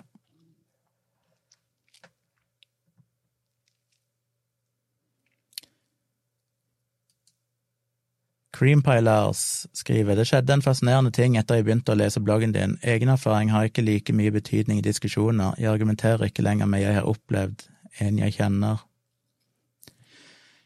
Nei, det samme har jo skjedd med meg, og det holder jeg jo en del foredrag om, dette her med hvordan du ikke kan stole på dine egne erfaringer og sanser og hukommelse, som gjør at jeg òg har blitt veldig forsiktig med å hevde at jeg husker et eller annet veldig tydelig, eller noe sånt, hvis det er usikkerhet om det, fordi jeg har jo merka mange ganger hvordan jeg tror jeg husker et eller annet klart, og så viser det seg at andre har en helt annen opplevelse eller et helt annet minne om samme hendelse. Så det er jo litt av problemet, og som flere har sagt til meg, at, at jeg ødela livet deres med bloggen, for etter de begynte å lese bloggen, så for det første har de begynt å tvile så mye på seg sjøl, og for det andre så har de blitt så tvilende til andre. De kan ikke lenger sitte i et middagsselskap og høre folk snakke om piss, fordi de må alltid spørre liksom ja, hva er dokumentasjonen din på det, eller hvordan vet du det? ja, det er jo bra. Og det er jo det viktigste med bloggen min, det er jo ikke konklusjonene, det er jo mer prosessen. At folk blir inspirert til å tenke kritisk og kreve god dokumentasjon.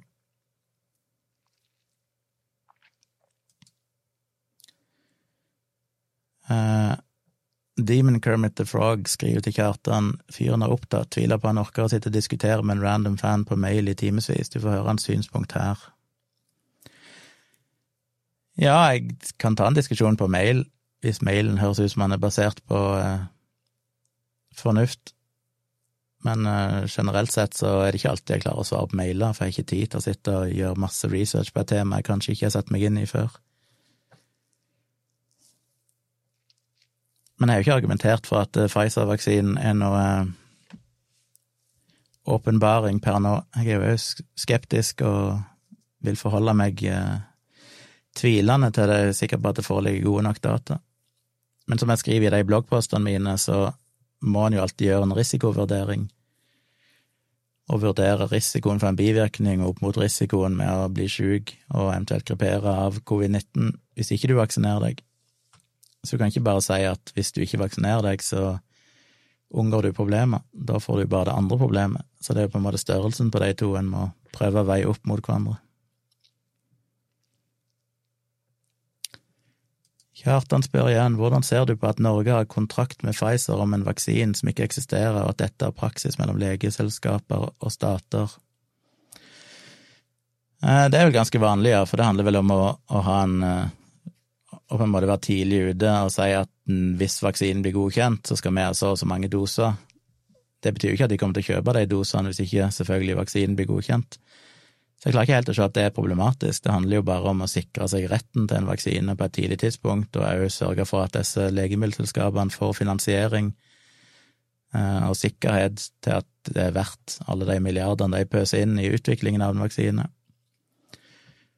Fordi det er jo ganske mange nå som prøver å lage en vaksine, og hvis eh, noen av de prøver å sikre seg på en måte en, en uh, avtale som gjør at de kan ha noe igjen for å klare å nå målet, så ser jo på det som en god ting. Det er viktig å huske på at det å produsere vaksiner har historisk sett vært veldig dårlig business, så de aller fleste vaksineprodusenter har jo slutta med det. Det er jo relativt få nå som fortsatt produserer vaksiner fordi det er for høy risiko knytta til det, og eh, det har vært så altfor mange søksmål som blir vunnet fordi vi opererer med omvendt bevisbyrde, der du kan saksøke noen for vaksineskade, og så er det deres jobb å bevise at det ikke kunne vært vaksinen, det er ikke din jobb å bevise at det var vaksinen, som jeg er tilhenger av. Jeg mener at det skal være en, en låg terskel for å få pasientskadeerstatning, men som òg gjør at risikoen for å å jobbe med den type forskning, som jo koster ekstremt mye ressurser og penger, er veldig krevende og høy, og derfor er det ikke så mange som kan gjøre det lenger. Og det er jo synd, for da kan vi jo stå i en situasjon at når vi virkelig trenger en vaksine kritisk, så er det ikke noen som er der for å produsere den. Nå ser det jo riktignok ut at i denne koronasituasjonen så har jo mange kasta seg rundt, tydeligvis, for de har vel sett at uh, dette både er viktig for menneskeheten og for seg sjøl. Alle har jo en familie og seg sjøl òg de skal beskytte, men ikke minst at her er det jo mye penger, selvfølgelig, hvis de lykkes.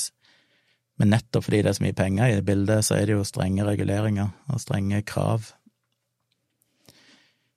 Eh, så vidt jeg vet, så er jo ikke, er jo ikke Norge bare en kontrakt med Pfizer, de har jo en kontrakt med AstraZeneca, eller hva de heter. Så det er jo på en måte sikra seg på flere plasser. Så det er ikke sånn at de har en slags avtale med Pfizer som gjør at de uansett kommer til å kjøpe en vaksine av Pfizer. De har sikra seg minst to avtaler, så vidt jeg vet om. Bare for å være sikra at hvis det blir suksess, så har Norge muligheten til å få de dosene som vi trenger. Så jeg ser ikke helt at det er problematisk på noe vis.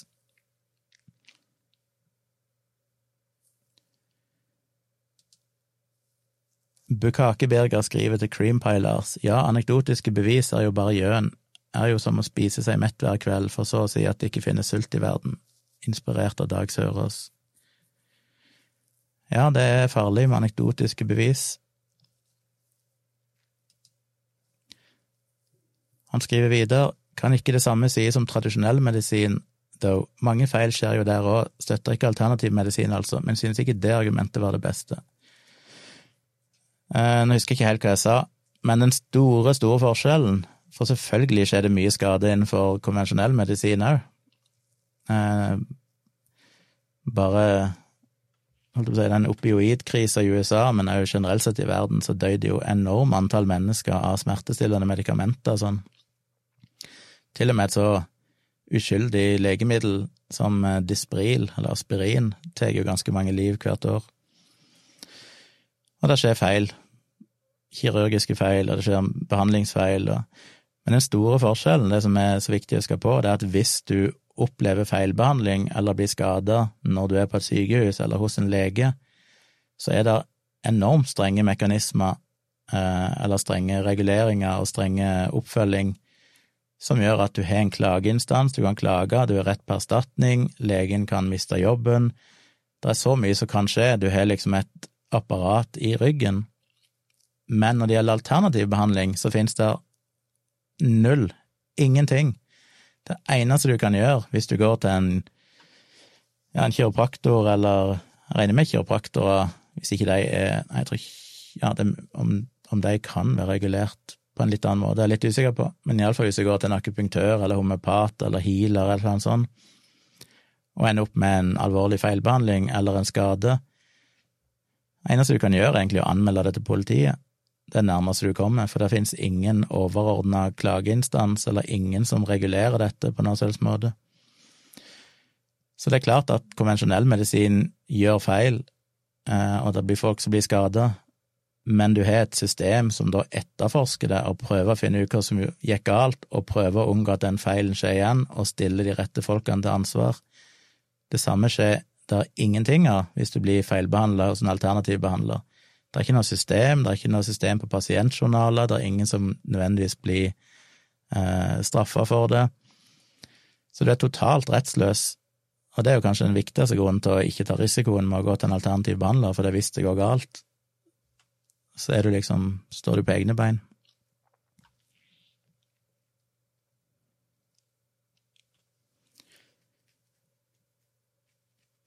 Nå går jeg litt i surr hvem som skriver med hvem her, men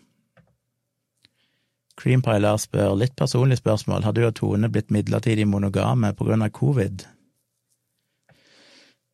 Uh, nei, men uh, det er vanskelig å svare på, for det, uh, det er ikke akkurat som at vi har truffet så mye folk uansett. Men vi har vel møtt én person hver, under ganske kontrollerte forhold, der vi prøver å ja, ikke gjør noe som er Eller har en viss formening om hvor sikkerheten ligger hen. Med tanke på hvordan de lever, og hvem de omgås, og så videre, og så videre. Så eh, totalt sett så har vi vel mindre kontakt med folk enn det vel de fleste nordmenn har, fordi vi ellers bare er folket sjøl. Så vi har basically møtt én person hver, eller noe sånt.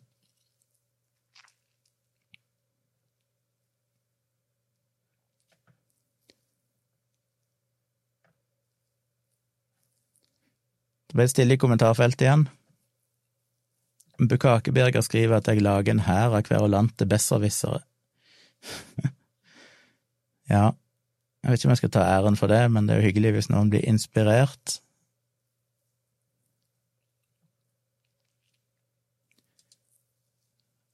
Bukakeberger skriver nå, og det skjønte jeg for så vidt, men han skriver at mente at du, Gunnar, lager en hær av kverulante besserwissere ved hjelp av bloggen din, så får folk til å stille spørsmål til alle rundt seg.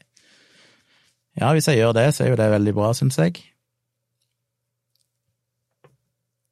Da får jeg alltid dårlig samvittighet for at jeg føler jeg har vært altfor lite aktiv i bloggen og sånn i det siste, men jeg har iallfall skrevet noen nye bloggposter i seinere tid som kan sjekke ut, og jeg har et par-tre nye på vei.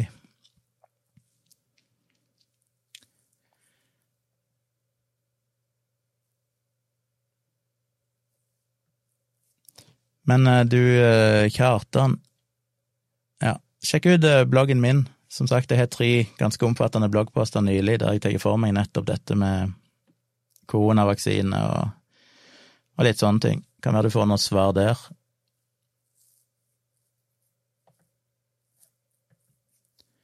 I mellomtida må jeg minne folk på å, å abonnere på kanalen min og like. Thomas ble være flink til å minne folk på å trykke på thumbs up, fordi det betyr noe.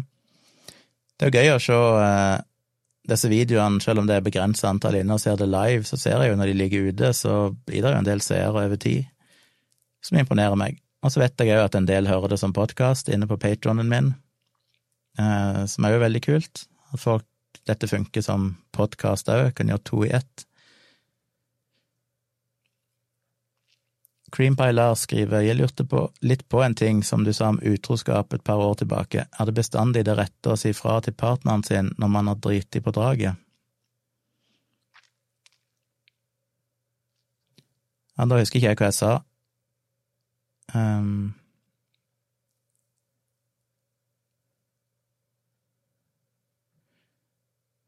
du må først minne meg på hva jeg svarte, så jeg kan vurdere om jeg er enig i det fortsatt.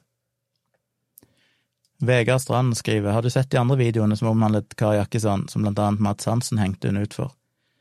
Nei. Jeg så jo at, eh, som jeg tok for meg i en video her for noen dager siden, eller livestream, så leste jeg opp et, en Facebook-kommentar som Kari hadde skrevet, der hun skrev om meg og Mats Hansen. Og sa jo da at jeg måtte sjekke ut det, at jeg glemte helt vekk, men jeg skjønte vel ut ifra kommentaren hennes at han hadde lagt ut et eller annet på Instagram. Og så ble jeg jo tagga i en ny video som jeg så hun hadde lagt ut nå, ikke av henne, men av noen andre som tagga meg og sa jeg måtte se på den. Jeg har ikke rukket å se den ennå, men det er mulig at jeg blir inspirert til å lage en ny video når jeg ser på den.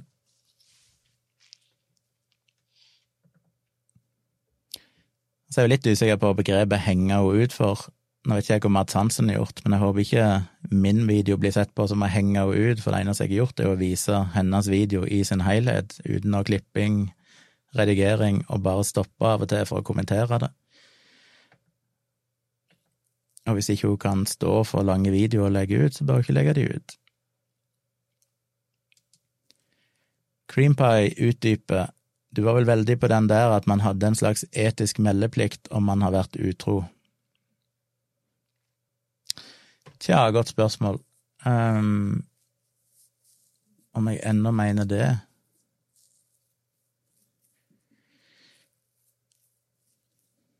Jeg tror jo alltid at Jeg må tenke litt.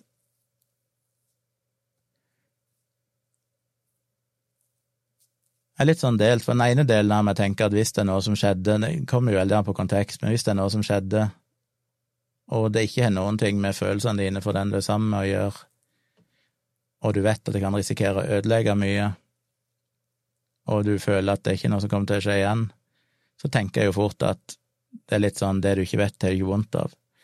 Problemet er bare det at det at du vet at det har skjedd Det ene er at det at du vet det har skjedd, vil sannsynligvis prege deg på et eller annet vis, bevisst eller ubevisst, som kan påvirke forholdet uansett. Og to, hvis det kommer fram på andre måter, så det, kan det være veldig mye mer ubehagelig, og det er på en måte dårlig gjort for partneren din at det skulle, hun eller han skulle få vite det via andre kanaler. Eh, så jeg heller vel fortsatt mot at, at det beste er at en sier det. og er ærlig om det. Jeg tror det. Og jeg mener jo sånn rent etisk, så mener jeg vel at det er en, en forpliktelse det å være ærlig overfor partneren sin. Og ja. Men så er det jo selvfølgelig det mer komplekse er jo det at jeg vil jo kanskje ikke ønske å være i et forhold med noen som for eksempel mente at det var grunn til å gjøre et forhold slutt, fordi jeg tenker at eh, hvis forholdet er bra, og du elsker personen, og dere har det topp, og så gjør du en sånn ting, så klarer ikke jeg helt å forstå hvorfor det skal være liksom enden på visa.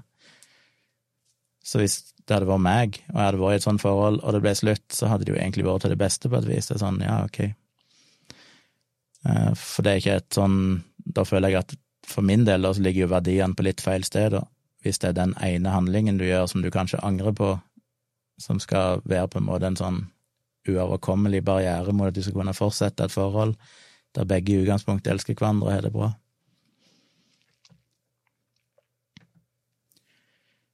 Thomas skriver Tror ikke det alltid er lurt. Hvis man først ender opp med å drite seg ut, må man i det minste sørge for at det ikke blir barn eller smitte ut av det. Men alkohol kan vi gjøre at nettopp det ikke blir overholdt. Enig med Gunnar. Um, ja, for det er jo en annen sak òg. Det er selvfølgelig eh,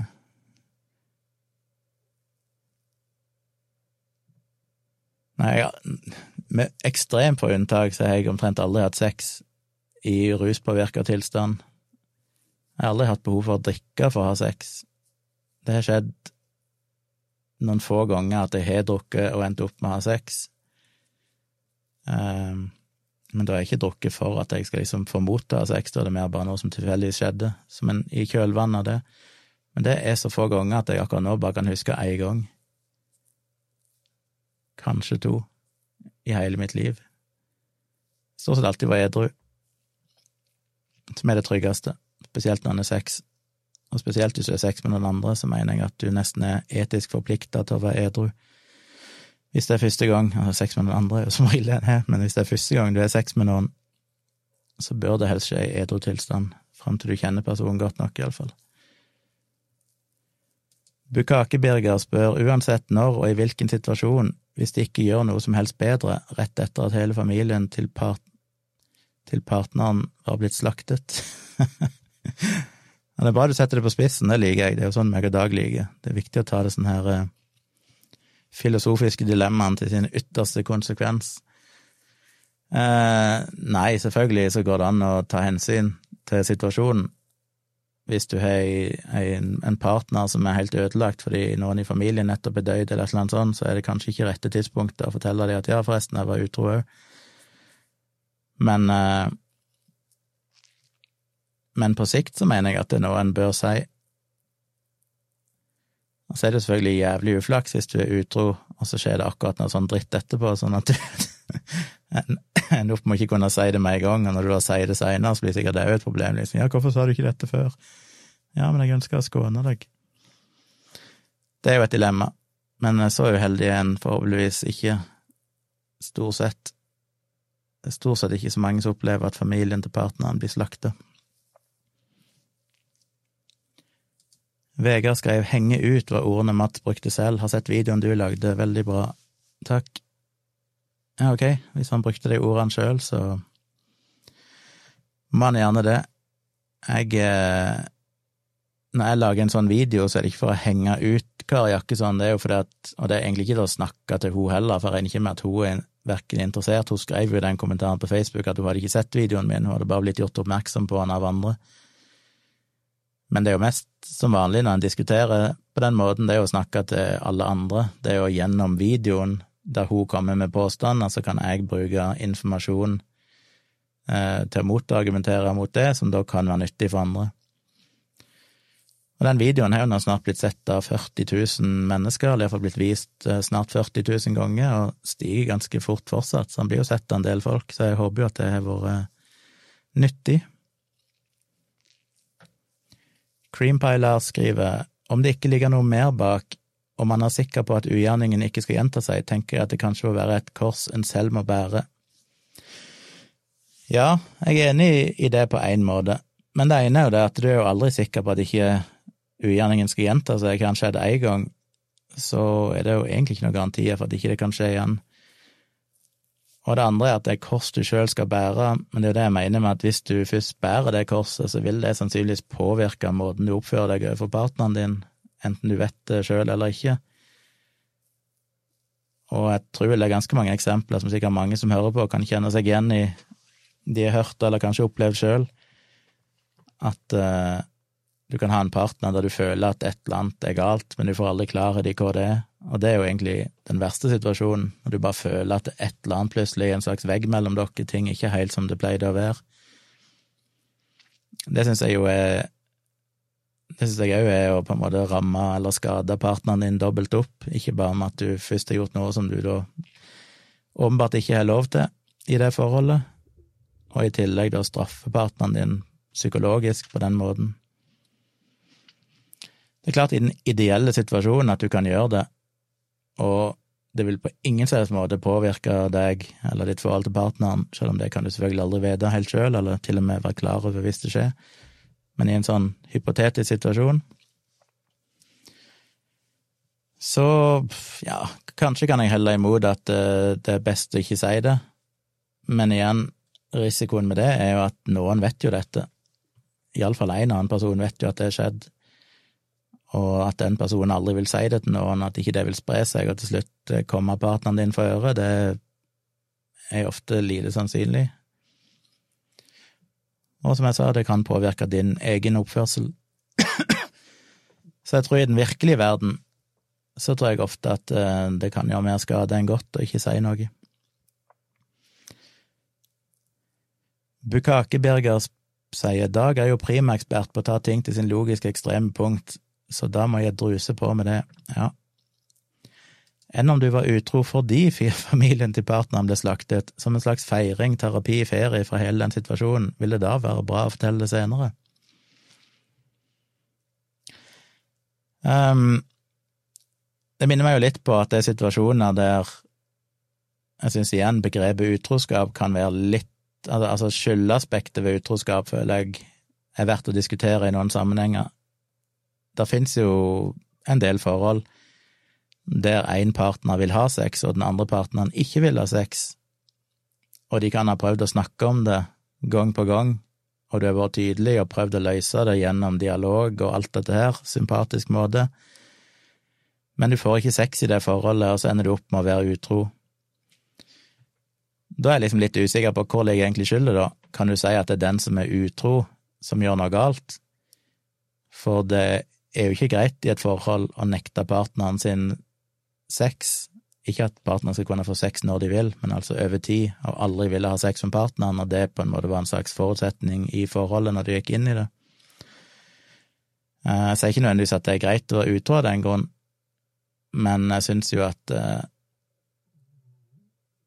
at det kompliserer saken veldig, at du allikevel blir sett på som den umoralske parten hvis du ender opp med å være utro. Jeg syns det er litt mer komplisert enn det. Jeg vet ikke helt hva jeg ville med det, men det er iallfall en tanke. Thomas skriver det er en fascinerende kjemi mellom deg og Dag. Dere er jo egentlig ganske så forskjellige, gir fin dynamikk i dialogisk-podkastene. Takk for det.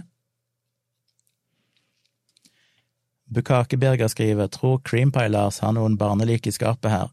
Kanskje du kan få Gunnar med på FaceTime når du skal avsløre for partneren din hva du har gjort, så hjelper han til med noen gode ord.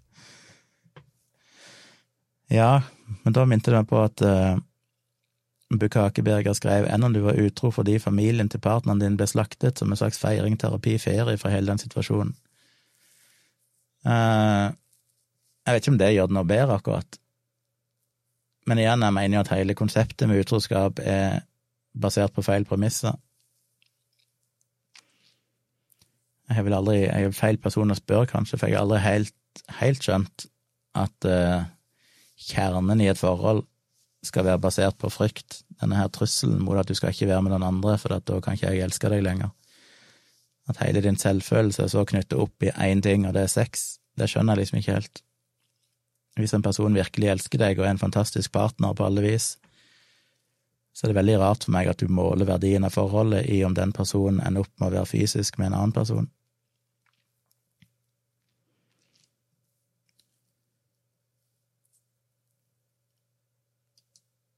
Ice Wallow Combe skriver til Thomas syns egentlig det er ganske like sånn akademisk, men totalt forskjellig kultur, privatliv videre. Ja, vi har likheter og ulikheter. Dag er jo, den, er jo akademikeren av oss, for han har jo tross alt tatt seg en uh, høyere utdannelse. Det har jo aldri jeg klart å gjennomføre, fordi jeg alltid har vært for ivrig på å drive med mine egne ting, og ikke har klart å tilpasse meg et utdanningsløp, for jeg syns det blir Det blir som vi snakket om i går, med jul og ritualer. Jeg, jeg faller alltid ut når det blir en sånn du skal gjøre det på denne måten, og dette er mainstream, dette er sånn alle gjør det. Da blir jeg sånn nei, fuck it, jeg skal heller sitte oppe hele natta og komponere musikk og skrive dikt, så egentlig var det jeg endte opp med å gjøre. Så starta jeg heller mitt eget firma, for da kunne jeg gjøre ting på min måte. Men vi er jo ganske ulike, vi er jo litt lik bakgrunn, sånn at begge vokste opp eh, kristent og blitt artister. Begge er jo engasjert i samfunnsdebatt og kritisk tenking og, og sånn. Men så er vi jo ganske ulike i alt fra musikksmak til kulturelle, eller til kultur, hvordan vi lever livet vårt. Så det er kanskje en grei eh, blanding. Vi har en del til felles, en sånn noenlunde lik plattform, men samtidig ganske ulike liv.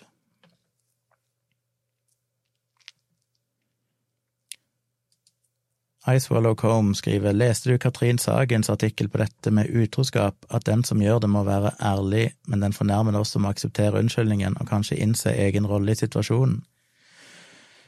Nei, den har jeg ikke lest, men jeg jo, høres ut som jeg kan være mye enig i det. Og det går jo i hvert fall spesielt til den situasjonen hvis du da er en partner som ikke vil ha sex. Da kan du ikke på en måte, hvis partneren din er utro, legge, opp, legge opp, til at det er kun partneren da, som har vært gjort noe galt. Da må du faktisk ta ansvar sjøl. Det er jo ikke alle situasjoner, selvfølgelig, der jeg mener at eh, at begge er skyldige på et vis. Du kan være utro uten at den andre har gjort noen ting som er galt. Men uh, i mange situasjoner så tror jeg nok ofte det kan være ting å snakke om. Og som hun Katrin Sagen skriver, så er jeg 100% med på det med at du må kunne akseptere en unnskyldning, fordi at jeg mener at uh, Ja, jeg, men igjen, jeg er ikke rette person å spørre, jeg bare aldri helt klar til å skjønne at det skal være den ene tingen som er liksom utilgivelig. Uh, da føler jeg igjen at vi har gjort et eller annet galt som samfunn, når vi har klart å knytte opp ideen om romantikk og kjærlighet så til de grader til liksom den ene seksuelle tingen. Hakkmeksul spør har du selv vært utro, tanker om det, kan det tilgis, kan det ikke tilgis, var selv det en gang og ble kalt psykopat etc. Tøff melding når man vet man er empatisk oppegående, men gjorde en stor feil. Eh, jeg har vært kvasi-utro helt på tampen av et forhold der det vel på mange måter var slutt. Eh, og jeg var i den situasjonen jeg òg, at eh, vi hadde ikke hatt sex på et års tid eller noe sånt, og jeg hadde, vi hadde snakka om det, og jeg ønska det, men det skjedde ingenting. Og så Men da fortalte jeg det dagen etterpå til hun. Så jeg har ja, Det kommer an på definisjonen av utro. Det var ikke sånn vi hadde samleie eller noe sånt, men uh, jeg var fysisk uh, intim med ei dame og fortalte uh, dama mi om det umiddelbart etterpå. Og det er jeg egentlig glad for. Det var et forhold som egentlig uansett var ferdig. Men uh, Sånn i ettertid så er det definitivt noe jeg ikke føler burde skjedd, vel, egentlig. Og det er ikke noe jeg eh, syns var greit at det skjedde. For på det tidspunktet hadde jeg ikke med noe åpent forhold eller noen ting sånt. Det var jo bare jeg i min eh, enormt manglende selv, eh, selvtillit eller selvfølelse som plutselig var i en situasjon for første gang i mitt liv, tror jeg, der noen ønska å rote med meg ut av det blå, som jeg ikke klarte å motstå. Men det gikk jo så greit å fortelle det. Det var ikke sånn at hun ble happy, men det var ikke heller at uh, vi snakka jo om det på en uh, grei måte. Definer kvasi-utro, sier Cream Pie Nei, det var at det var intimitet, men ikke noe Ikke noen direkte seksuelle handlinger. Icewallow Combe, syns du en singel person som velviten har gått inn for å ligge med noen de vet har partner, har moralsk ansvar? Hvorfor? Der er jeg nok mer skyldig, for det har jeg gjort noen ganger, og det har jeg jo tenkt veldig, veldig mye på, og eh, jeg har vel konkludert med at jeg ikke føler at det er den single sitt ansvar, fordi eh, Det høres kanskje feil ut å si, men jeg tror i alle de situasjonene jeg ikke har gjort det, så har jeg vært en katalysator for at det forholdet ble slutt, og de fikk seg et bedre forhold, og alle kom ut av det lykkeligere enn de var før. I alle tilfellene så var det med noen som basically var i slutten av et forhold, eller et forhold som var dårlig, og så endte de opp med med at de rota seg inn i meg, og så fikk vel det kanskje noen lysstøk opp for dem om hva de egentlig ønska, og så ble det andre forholdet slutt, og så levde alle lykkelig i sine dager etter det. Så sånn sett så føler jeg jo at det, det ikke har vært noen tragedie, og jeg har vel konkludert med at det egentlig er den, den personen som er i et forhold, sitt ansvar. Jeg Skal ikke si jeg er 100 sikker, men det er foreløpig det jeg mener jeg har konkludert med. Vegard skrev hvordan reagerte dama som det originalt var i ferd med å gjøre det slutt med. Uh, hun tok det vel ikke helt bra, men det var ikke noe sånn uh, usaklighet eller uh, greie. Men uh, så var ikke sånn at hun sa ja, det gjør ingenting. Men jeg har jo sjøl vært på andre sida av saken, der jeg har hatt forhold der dama mi har vært utro opptil flere ganger, og uh, det var ganske tidlig i min kjærestekarriere, så jeg uh, hadde liksom ikke noe erfaring med noen ting. Og jeg tror når jeg hørte det når hun fortalte det til meg, så var jeg deppa i en halvtime, og så begynte jeg heller å bli nysgjerrig og begynte å spørre om, hvordan ting hadde, som hadde skjedd, og, og sånn.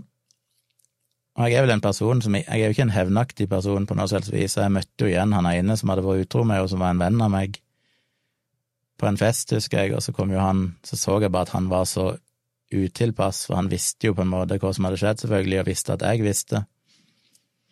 Og han visste ikke hva han skulle gjøre av seg sjøl. Så kom det til et punkt da jeg bare sa til han at eh, liksom, jeg vet hva som har skjedd, og det er helt greit. Jeg tror han holdt på å få hjerteinfarkt av sjokk, for jeg tror i den det miljøet jeg vokste opp, så ville det jo være mer vanlig at folk begynte å banke hverandre opp og ha slåsskamp. Så det at jeg bare sa at det, det, det går greit, liksom, det er ikke noe å snakke om. Jeg tror jeg var ganske sjokkerende for han.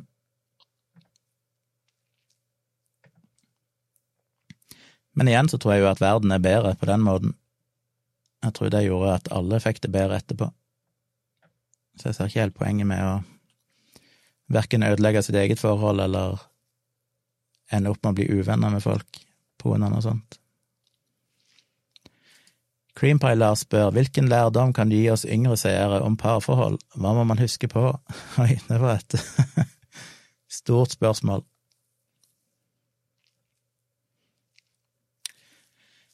Tja, skal jeg være litt eh, pompøs av meg, så tror jeg det jeg har lært gjennom eh, mange forhold, er at eh, en er nødt til å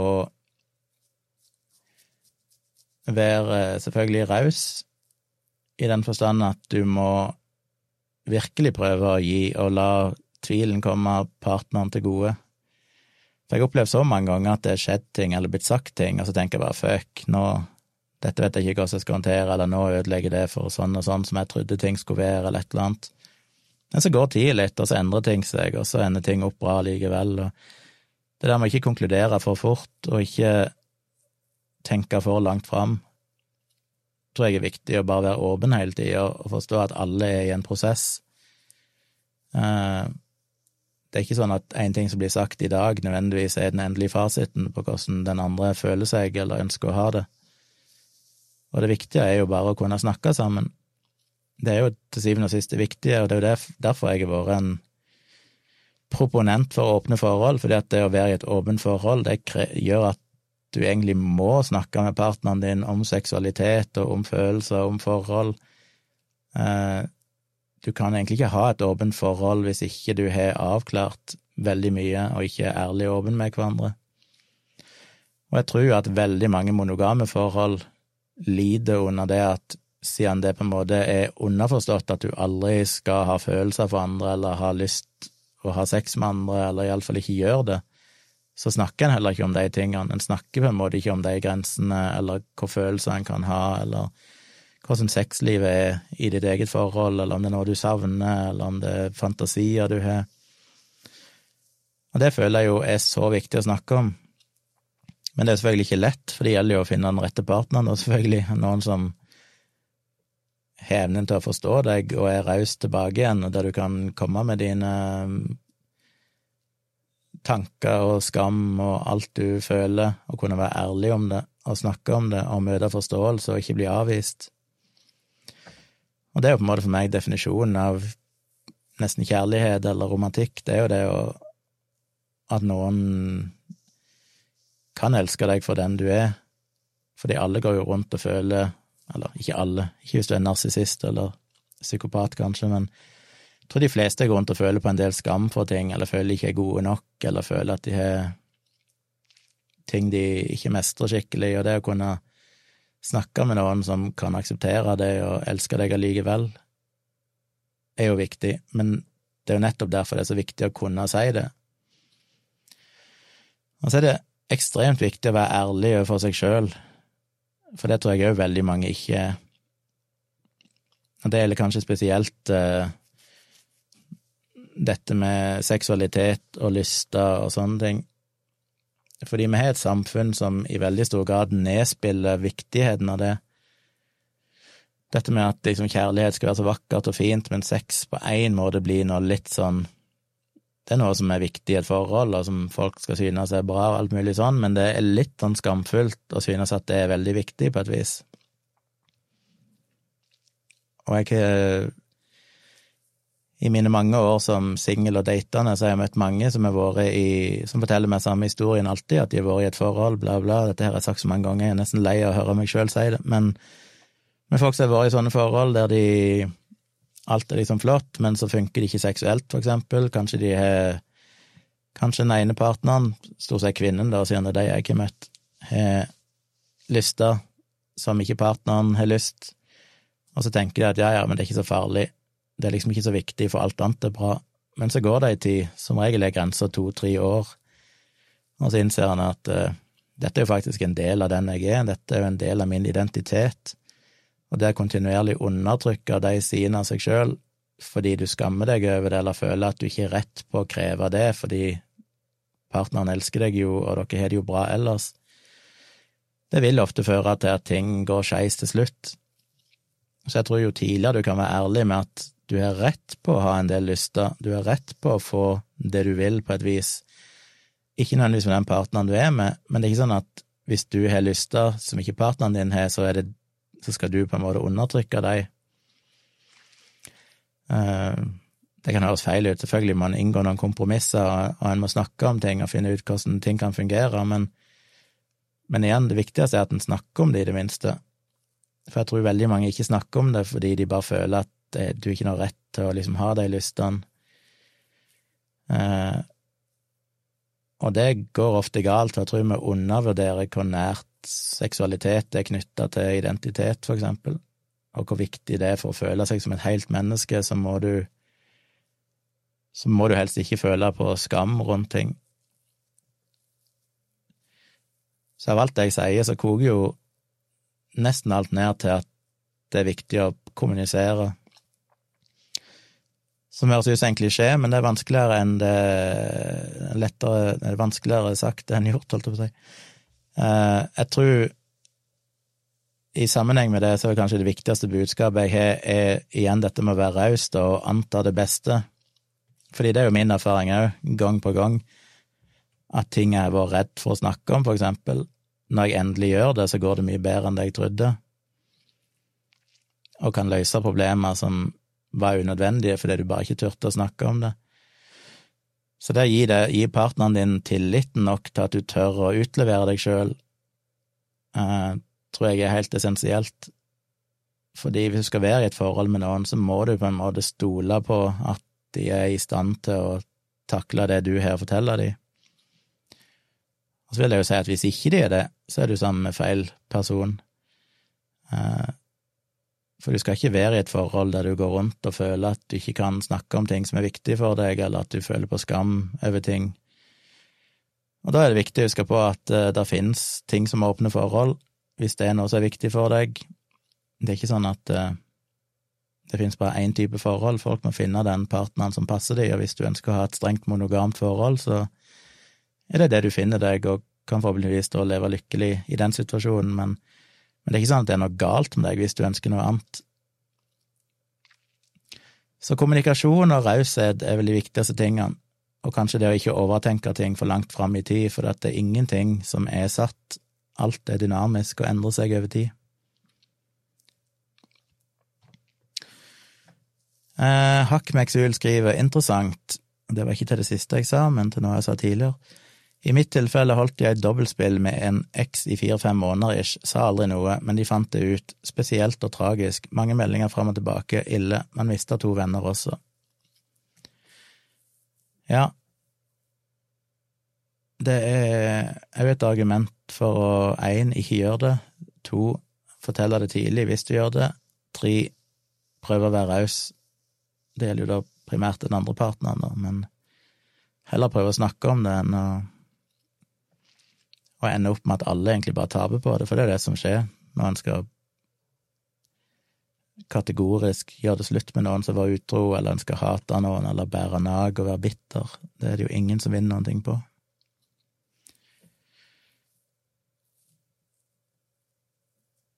Hakkmeksul skriver bli, ja, Vegard skrev kjip sak, så skriver Hakkemeksul absolutt, bli bombardert på SMS av to du er glad i, som plutselig sier du er den jævligste personen som står på to bein, unner ingen den. Nei, det kan jeg tenke meg.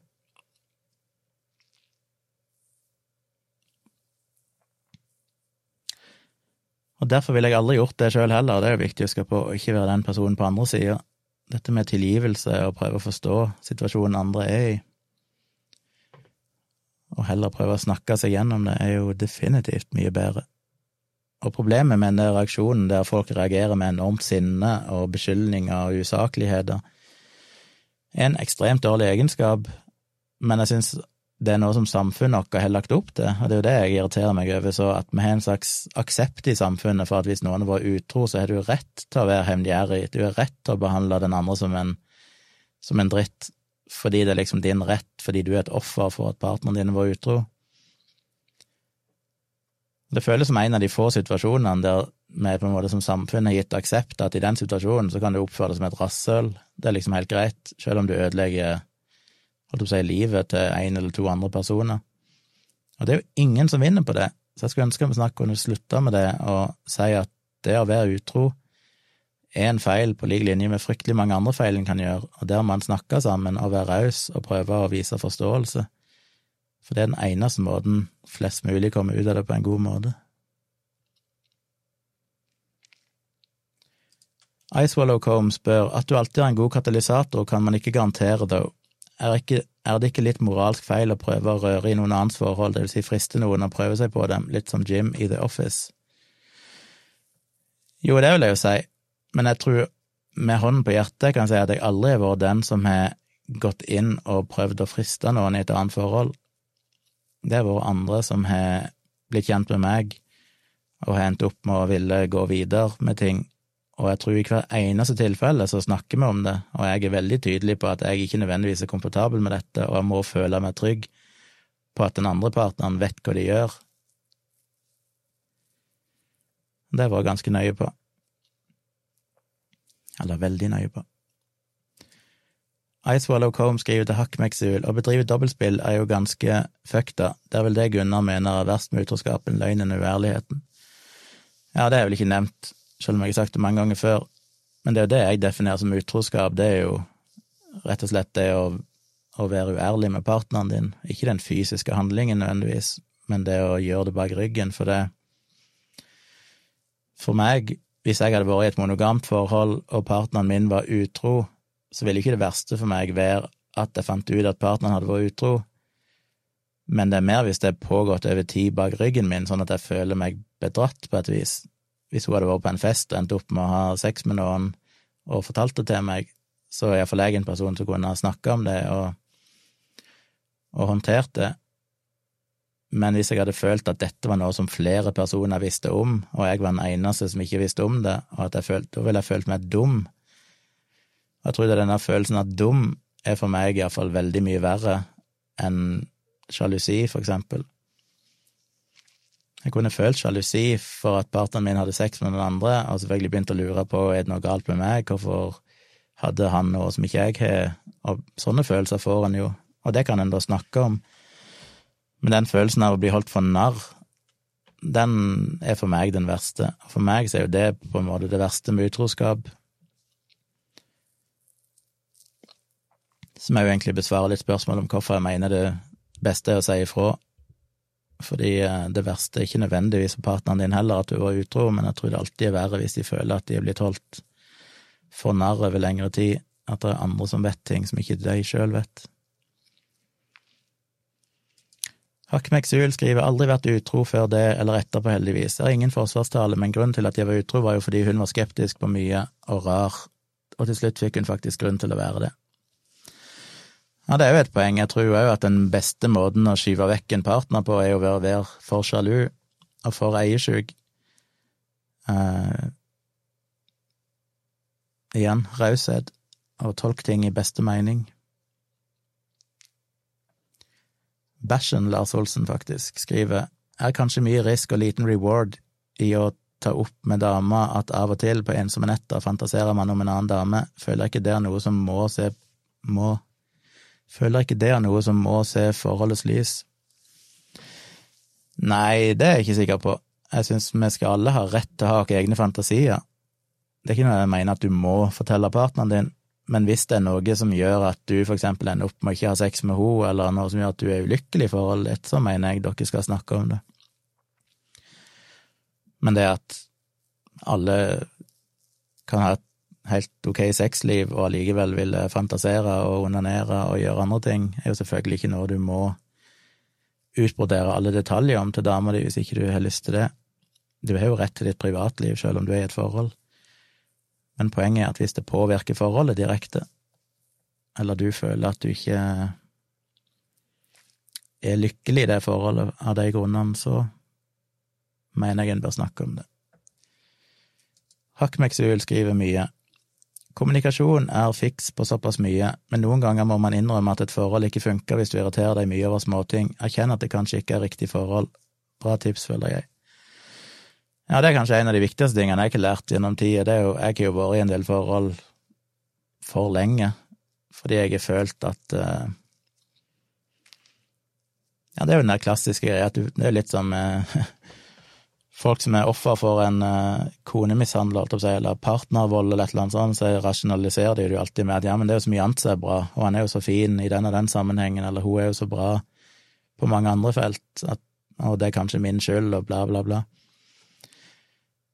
Men jeg har jo vært sånn i en del forhold der jeg bare føler at uh, jeg merker jo egentlig, ofte så merker jeg det i løpet av de første dagene etter jeg møter en person, så bare kjenner jeg at det er ikke nødvendigvis jeg bare merker at det kan være ting her som ikke helt funker, men så tenker jeg alltid at ja, men jeg må gi den andre personen en sjanse, for du vil liksom strekke deg langt. Du vil ikke forhåndsdømme, og du vil ikke overtenke ting eh, som er farlig. Men så er det jo farlig å ikke gjøre det, og det er den balansen jeg sliter med alltid. Det er liksom det med hvor mye skal du stole på magefølelsen og tenke framover i tid? Hvordan vil dette gå om ett år, to år, fem år, hvis du kjenner på det allerede nå? Og hvor mye skal en tenke at du kan ikke anta at ting kommer til å bli sånn for alltid, og du kan ikke forhåndsdømme, og kanskje dette her går seg til. Og jeg har jo opplevd begge deler, at ting kan gå seg til, og ting kan ordne seg, men òg at av og til er det sånn shit, det jeg kjente for tre måneder siden, var jo egentlig korrekt. Så det går jo litt til det med å, være ærlig med seg sjøl, og innse at ok, jeg kjenner jo egentlig at dette her ikke funker. Hakkmeksul skriver videre, ikke force et forhold kun fordi sexen er bra, og hun og du liker samme seriene, for eksempel. Hvis hun gjør rare ting, er overkritisk, ting føles rart på ulike måter, fuck it, er ikke forholdet worth it? Ja, jeg kan bare si preach. Jeg har definitivt vært i forhold der liksom sexen var altfor bra, og eh, som sagt, det jo andre ting som har vært kult, men det har vært så mange røde flagg og ting jeg egentlig visste ikke var bra, mens jeg har likevel blitt i forholdet. Som en slags feighet, og kombinert med en slags ønske om at du tenker at eh, du skal gi den andre en sjanse. For jeg har liksom alltid vippa mellom det at av og til føler jeg at jeg ditcha et forhold for raskt, og andre ganger så føler jeg at jeg har vært i det altfor lenge. Jeg har aldri helt funnet den balansen, liksom, med hva som er fasiten der. Hakk meksul, lett å tenke når man står utenfor, men når man er i forholdet, da kan man fort bli blind, og ting bare går og går. Ja, når jeg ser tilbake på en del av de forholdene mine, så skjønner jeg jo at jeg burde jo aldri ha, ha vært i de så lenge, men eh, så er det andre situasjoner der jeg tenker at shit, jeg burde kanskje ha gitt det flere sjanser. Så du vet jo aldri. Hakkmeksul skriver ja, sant, rart det der. Nå vet jeg ikke akkurat hva han svarte på nå, men Samfunnet sier du har rett til å hate, lov å bli såret, så klart. Jeg og mitt eks burde aldri gjort det jeg gjorde. Jeg i mitt eks burde aldri gjort det jeg gjorde, men alle har sin grunn, ikke alle er notorisk utroe.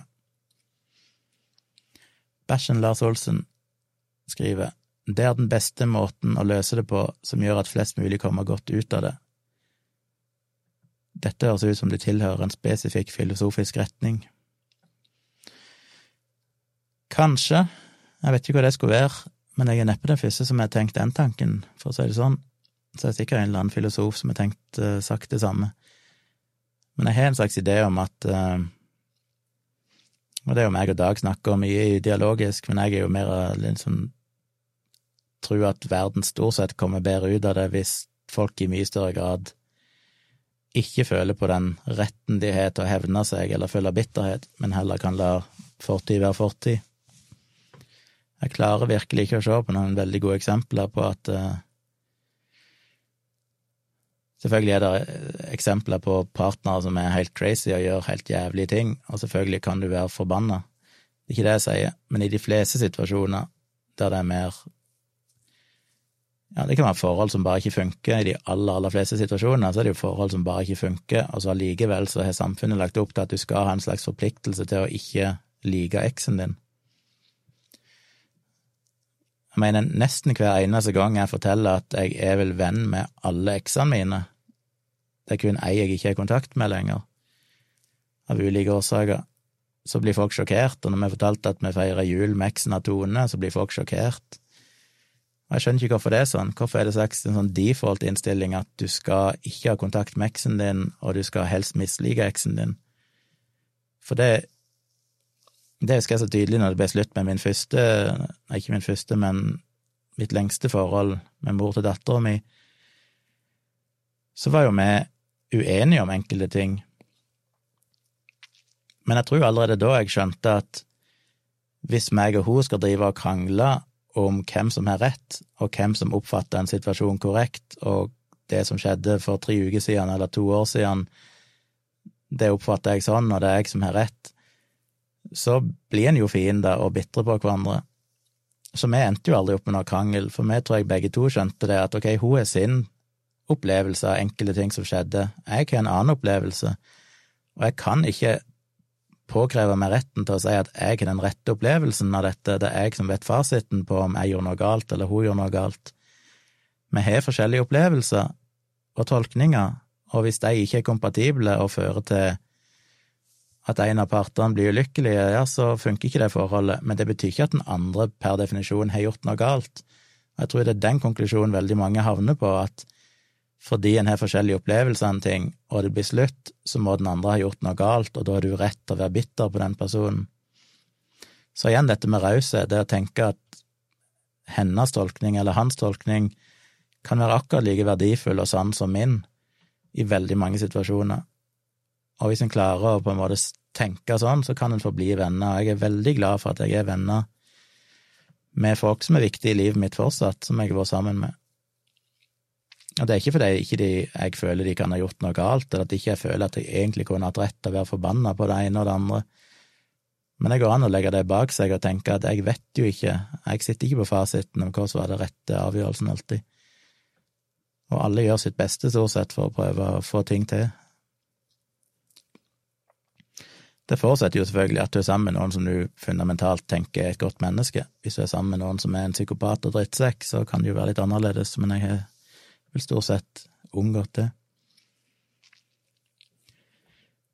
Eh, Vegard mener vel at den filosofiske retningen heter konsekvensetikken. Var det det du mente? Ja, kanskje det. Hakmeksul skriver ja, det var absolutt ikke bra, jeg er fortsatt lei meg for det, heldigvis har jeg lært og kunne aldri gjort noe sånn, være raus er veldig undervurdert i dagens samfunn. Ja, det syns jeg òg, det er en av de tingene jeg streber etter å være, jeg tror ingen kan kalle meg for hevngjerrig. For stort sett så er det jo bare en sjøl som taper på det. Bæsjen Lars Olsen mener at det kanskje heter utilitarisme. Det kan jo òg være dette med at eh, det endelige utfallet må handle om mest mulig lykke i samfunnet og sånn, at flest mulig skal komme bra ut av det. Bæsjen Lars Olsen, akkurat de tankene om at man har en dårlig følelse i starten, og balansen mellom dette kan endre seg, og det kommer til å være sånn for alltid, er vanskelig, er i en sånn situasjon nå med et band. ja, det kan gjelde alt fra jobb til band til mye rart. Jeg har ikke knokkekoden der helt. Det eneste jeg vet, er at det forholdet jeg er i nå, så har jeg ingen dårlig følelse. Og det er jo Gjør det jo veldig enkelt. Vegard Strand skriver til Bæsjen Lars Olsen, helt riktig, utilitarisme, konsekvensetikk og nytteetikk. Kjært barn har mange navn. Ok. Da vet vi det. Hakkmeksul skriver kloke ord der, interessant å høre dine erfaringer også, er lett å se framover og tenke hun er sikkert ikke så usikker når hvis vi blir et faktisk par. Veldig skummel tanke, i grunn. Ja, det er en skummel tanke, men uh, av og til funker det, av og til funker det ikke, så en må ta noen sjanser når man er i forhold, det er eneste løsningen, det er jo det er det som er problemet med alle forhold, at det er ingen fasit. Av og til bommer du, og av og til så gjør du rett, men uh, sånn er det bare. Bæsjen Lars Olsen sier det beste er jo om man kan holde en nøytral og god tone i ettertid, spesielt om man har noe felles som barn sammen eller felles bestefar. Hurde og Media Ink skriver steike Gunnar, legg det. Ja, jeg la merke til hva klokka var plutselig, jeg holdt på i ny rekord. Rett før YouTube sparker meg ut her. Klamydiamelk skriver syns alle burde smekke inn en like nå før streamen er slutt, kun live-likes er verdt noe. er det det? Det tror jeg ikke. Men uh, en like er alltid god å ha. Enda bedre hvis dere støtter meg på Patron. Det håper jeg jo dere vil, siden dere setter pris på at jeg sitter her og snakker. Så håper jeg det er verdt en femtilapp eller noe sånt i måneden. Det er ikke noe forpliktende, dere kan slutte når dere vil, men uh, så lenge dere vil støtte meg, så gjør det. Det går støtte meg et år i slengen òg, som noen har gjort. Du kan forplikte deg for et helt år, og da betaler du bare for ti måneder. Så hvis du tror du har lyst til å støtte meg i et år, så sparer du penger på å forplikte deg og går for en sånn årsinnbetaling. Uh, nå kom det en del likes, det er jo hyggelig.